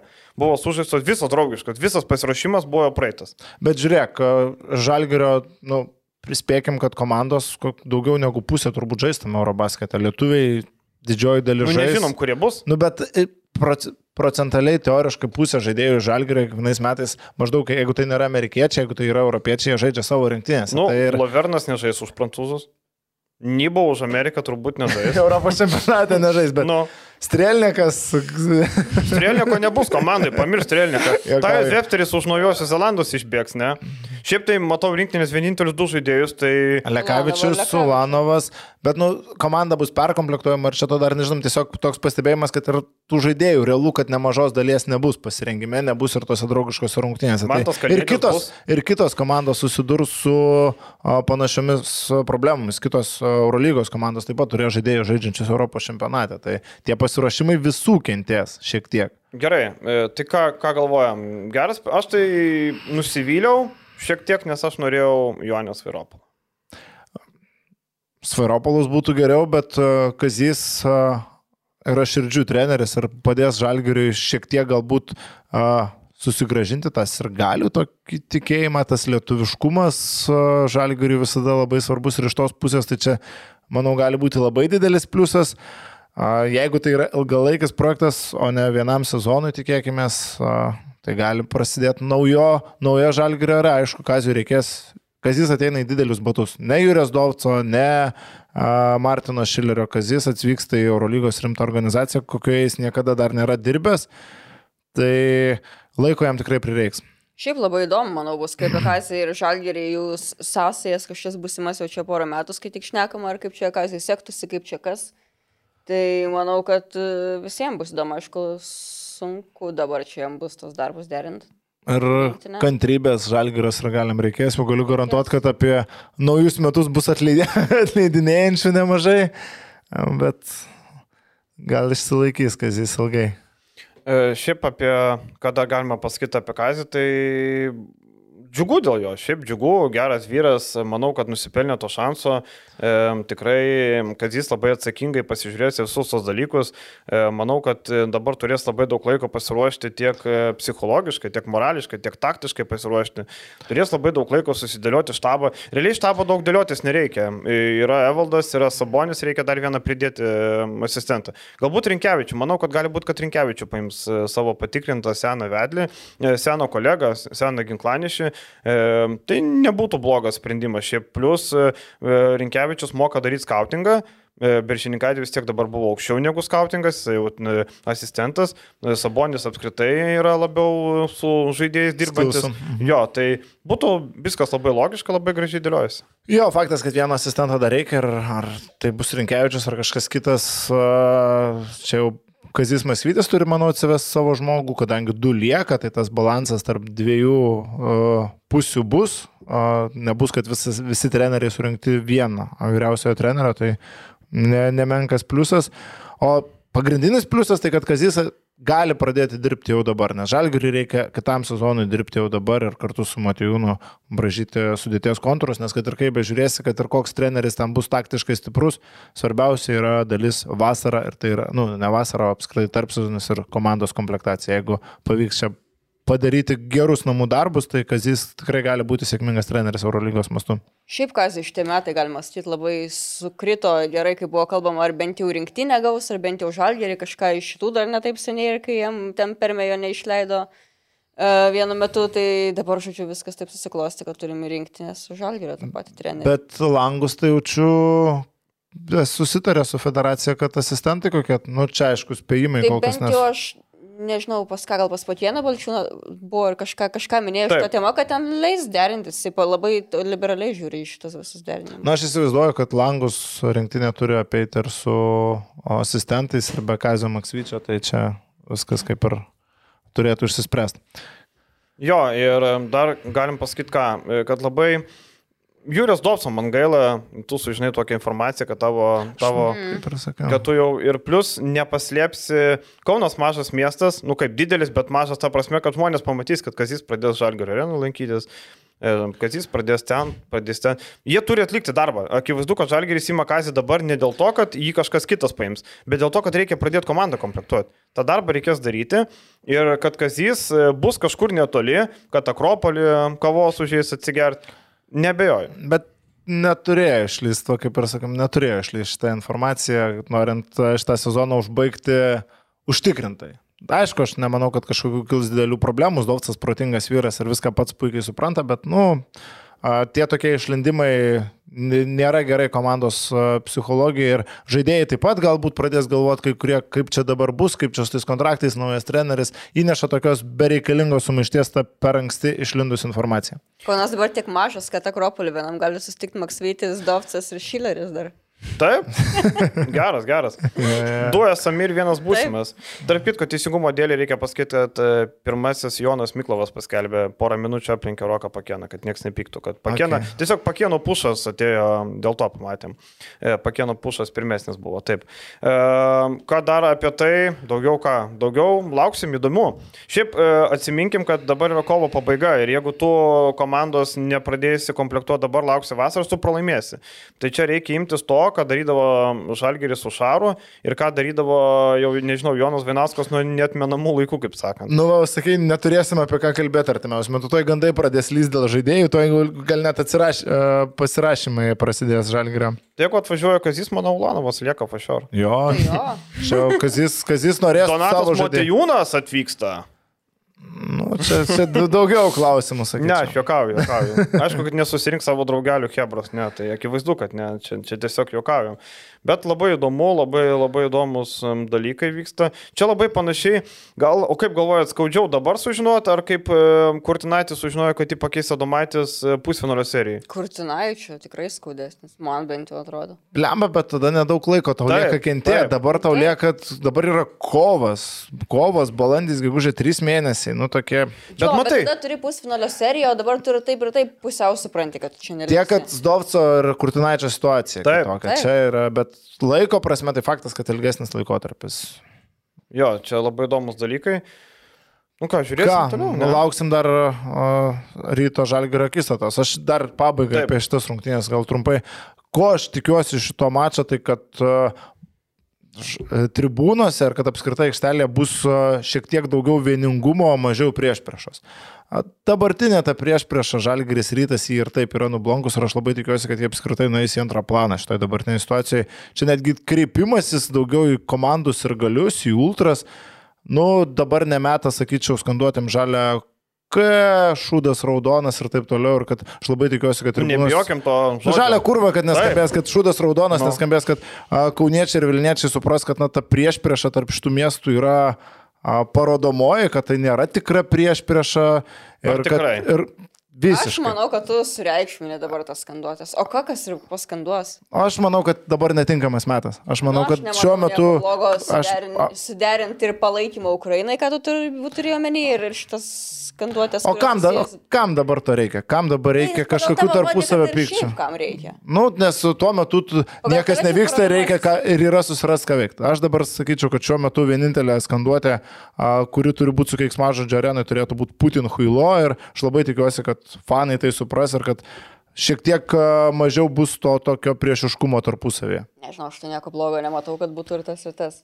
Ai, nežinau, man atrodo, kad čia, o tai ką, tai dabar čia, kaip sakytum, vagim nevokit, Ne. vyrai bare nesimuškit. Ne, Ne, tu, nu tu taip, palauk, lygini fanus su vagimu. Ne, ne, Ne, aš gal- tiesiog sakau, kad nebūtinai ne visi, e, dabar nebūtinai negali vykti kiti blogi dalykai. Ne, pavyzdžiui, vyrai bare nesimuškit, nes vyksta karas Ukrainoje.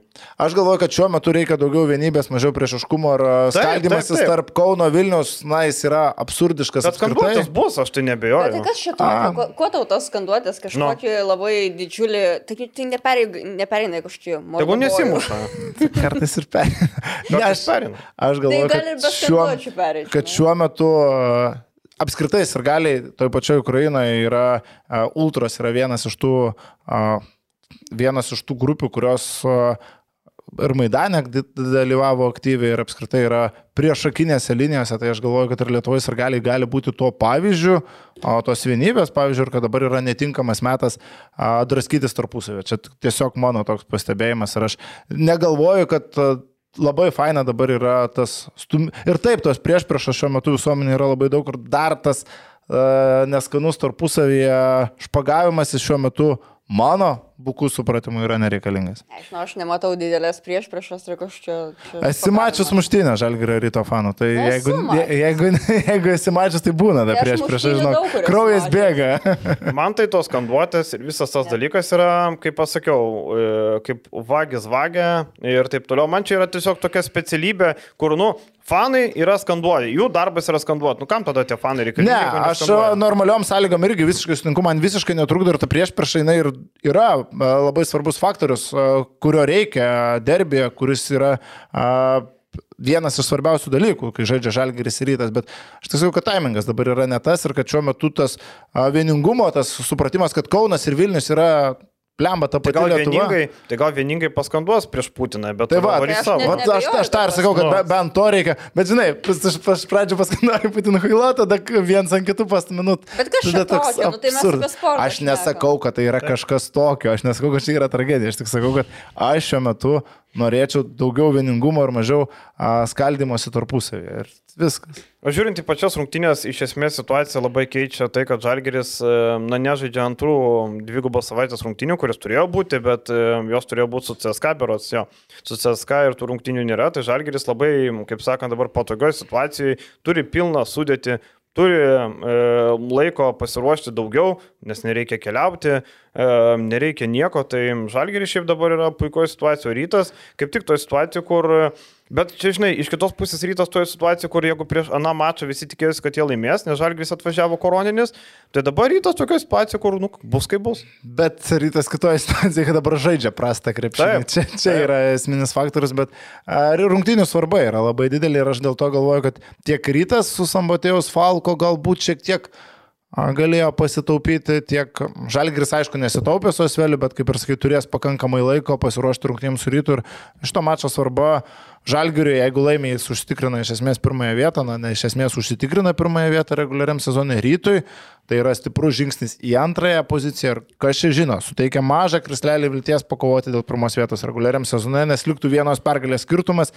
ir Žalgiris, tarkim, gauna nuo Lietkabelio, rytas turi tarpusavio pranašumą ir ten dar galėtų prasidėti bairiai. Jo, labai gerai, kad tos rungtynės turnyrinė prasme turi prasme, nes nei Žalgeris, nei Rytas jau kurį laiką nebeturi prasmės tarptautiniam fronte, tai bent jau Taip. čia bus kažkokios. Mm. Na, aišku, Žalgeris turi tikslą nebūti paskutiniam, čia Jūrijos Dovco toks iškeltas, ok. Bet iš esmės, iš esmės tai dabar bus kova dėl um, reguliarios sezonų nugalėtojo vardo. Jeigu rytas laimės, žalgeris tada nebeturės teisės klysti. Ne? Ir rytui tuo pačiu dėl antros vietos dar. Jo, jeigu rytas laimės, išsaugot. įtvirtins antrą vietą, nes dabar tarp Lietkabelio ir ryto yra viena pergalė, bet minus vienas mačas, tai rytui laimėjus. Jo, rytui laimėjus būtų dviejų pergalių skirtumas, pralaimėjus vienas e, skirtumas ir Lietkabelis turi mačą namie e, balandžio 11 dieną. Ar dar, tarkim, su žalgiriu ir lietkabeliu. Nu, čia vienu žodžiu dar atsiranda visokių, visokių variantų. Bet mes, Kazys, e, pertraukė mus, kiek jūs kokį balą duodat už pasirodymą čempionų lygoje? Tai aš sakiau, šeši irgi lygiai taip pačiai. Mm. Mažiau, penkis, pusė, penkis. penkis. Jo. O kaip galvojat, e, man atrodo, jeigu apie Žibieną, ne, tarkim, rytas nepatenka LKL finalą. Žibieną metam lauk ar e, vis dar paliekam perspektyvų trenerių, tegul dirba? Žiūrint, ką turi rinkoje dar, bet iš esmės nepatekimas į finalą, manyčiau, taip. Jeigu patenka į finalą, viskas tvarkoja.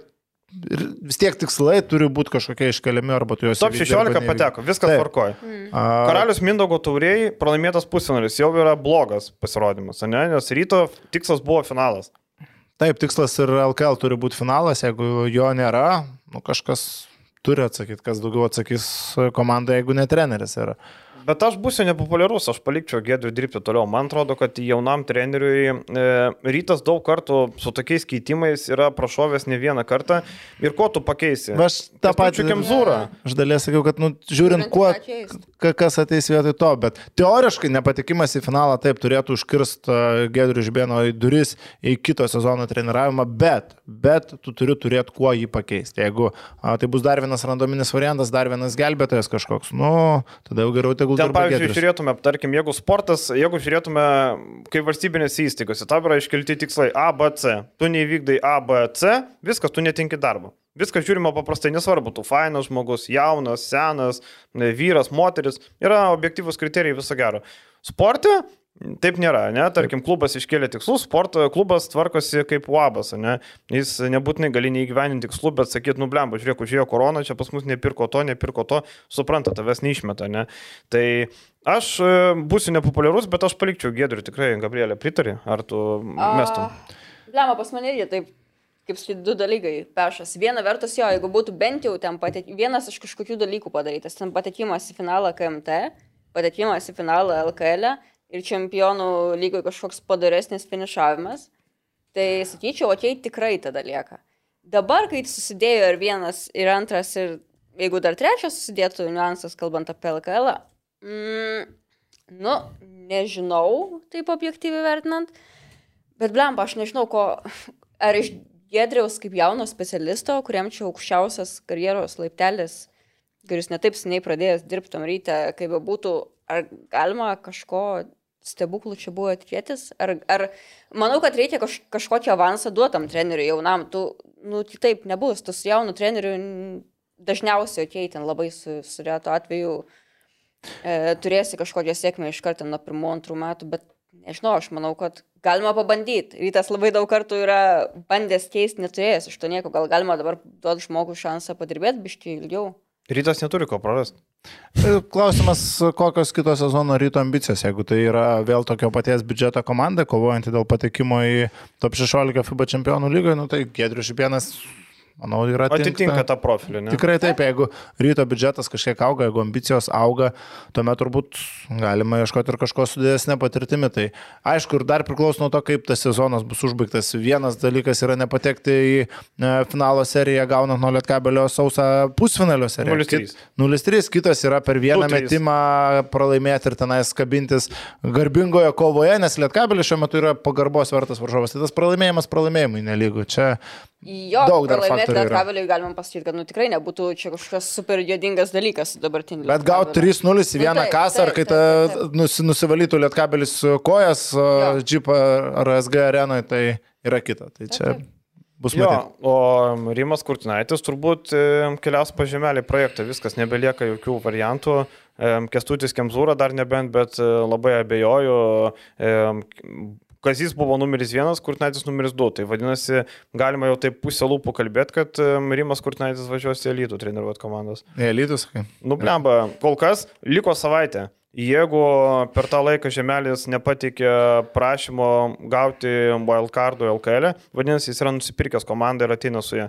Liko lygiai savaitė.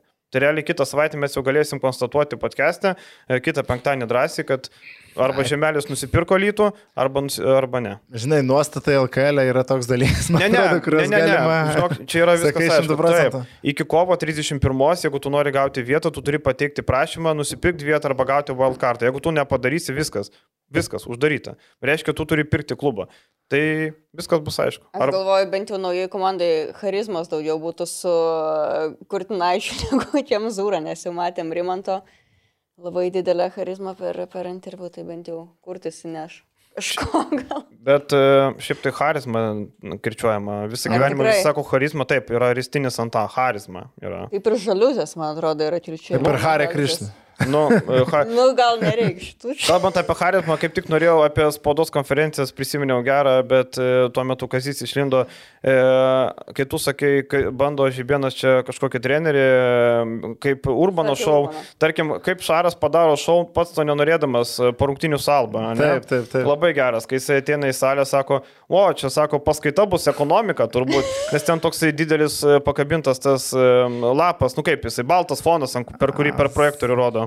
Ir po to išeidamas sako, aš ilgiau užtrukau ateiti, negu kad užtruko konferencija. Ir kažkas ten taip jokingai. Jo, nes niekas neuždavė klausimų Šarui. Šiaip labai keista, ten, nežinau, Berlyno žurnalistai neina, bet labai nenustebau, atsimenu, kad e, Miunchene, kai Žalgė žaidė su Bayernu, irgi buvo du žurnalistai ten. Neina, neina, aš esu buvęs Albos rungtynėse ir jų į Berlyne ten apverktinai biškelė atrodo. Ir dar Jordi buvo atvažiavęs, tuo metu buvo dar jo konferencija. Tai ten dar biškelė susirinko, bet po to tai... Bet šiaip po kitose arenose, nu, kai ten Turkijoje, Serbijoje tikiu, kad eina žurnalistai, Ispanijoje kokie daug ateina.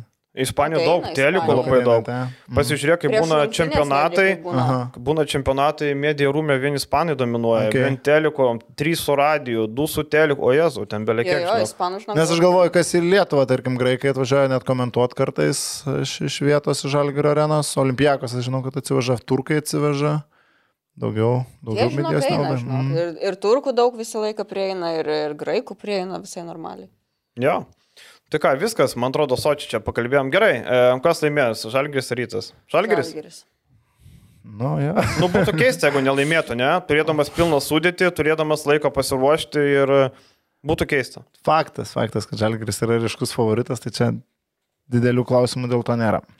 Gerai, e, tuom ir užteks turbūt. E, Ir tikėkime, kad skambės garsiai Putin Huilo. Iš abiejų ir galių pusių O tai tu vieningai. naisi paskanduoti? Putin Huilo prie televizoriaus rėksiu labai garsiai. ir tegus ir gali skanduoja, ką nori, Jėzus Marija. Putin Huilo skanduoja. tai. Taip, taip. Ne ką noriu, o Putin čia Huilo. prieš priešą dabar pas jūs karas vyksta, jūs čia pešatės dabar. Nu, aš skanduočiau. būtent, būtent, aš nematau Vyrai, dabar būdų. nesimuškit bare, nes Ukrainoje vyksta Ai, karas. var- vary- Varykit geriau visi kartu vieningai prie sienos su rusų fūrų stabdyti. Va. Teisingai, o ne bare O muškit. ne bare muštis. Jeigu penktadienį Islandijos gatvėje sumanysit su kuo nors susipešti, Tai pagalvokite. Taip, galite rusus mušti. Plemba, baigit čia to žmonės pagalvos, kad rimtai prieš rusakalbis. Reikia atskirti. Aš dabar esu Nu, tai atskiręs. Yra vatnikai ir rusai. Tai kad žmonės, nesu, kad žmonės nepagalvotų, kad blogai čia mes šiandien. Ne rusai, vatnikai. O klausyk, o kai tu važiuoji ir pamatai fūrą su rusiškais numeriais, rodai vidurinį pirštą? Ne, Nerodai? nerodo. O- Kodėl? Kelią blokuoja? Bet kelią blokuoti varyčiau, jeigu dabar bus Tai akcija normaliai. išvažiuotum? prieš prieš net užmušti mane gali. Tai kur tavo drąsa tautvė? Tavars aš gyventi noriu. Dar vienas dalykas, ka, kam reikia šokti prieš prieš ne. Bet į pasienį varysiu, jeigu bus na normalios akcijos tikrai. Gerai. E, ačiū Jums. E, jo, man atrodo, nieko neturėjom ką kalbėti, bet e, labai daug pakalbėjom. Čia gerai iškrito. Žalgeris trenerių paskelbė, žinai. Nu, Žalgeris nepaskelbė. Ai, nu. Žalgeris paskelbė po sezono. Ačiū Jums, sėkmės, pasimatom po savaitės. Iki. Iki. Sveiki.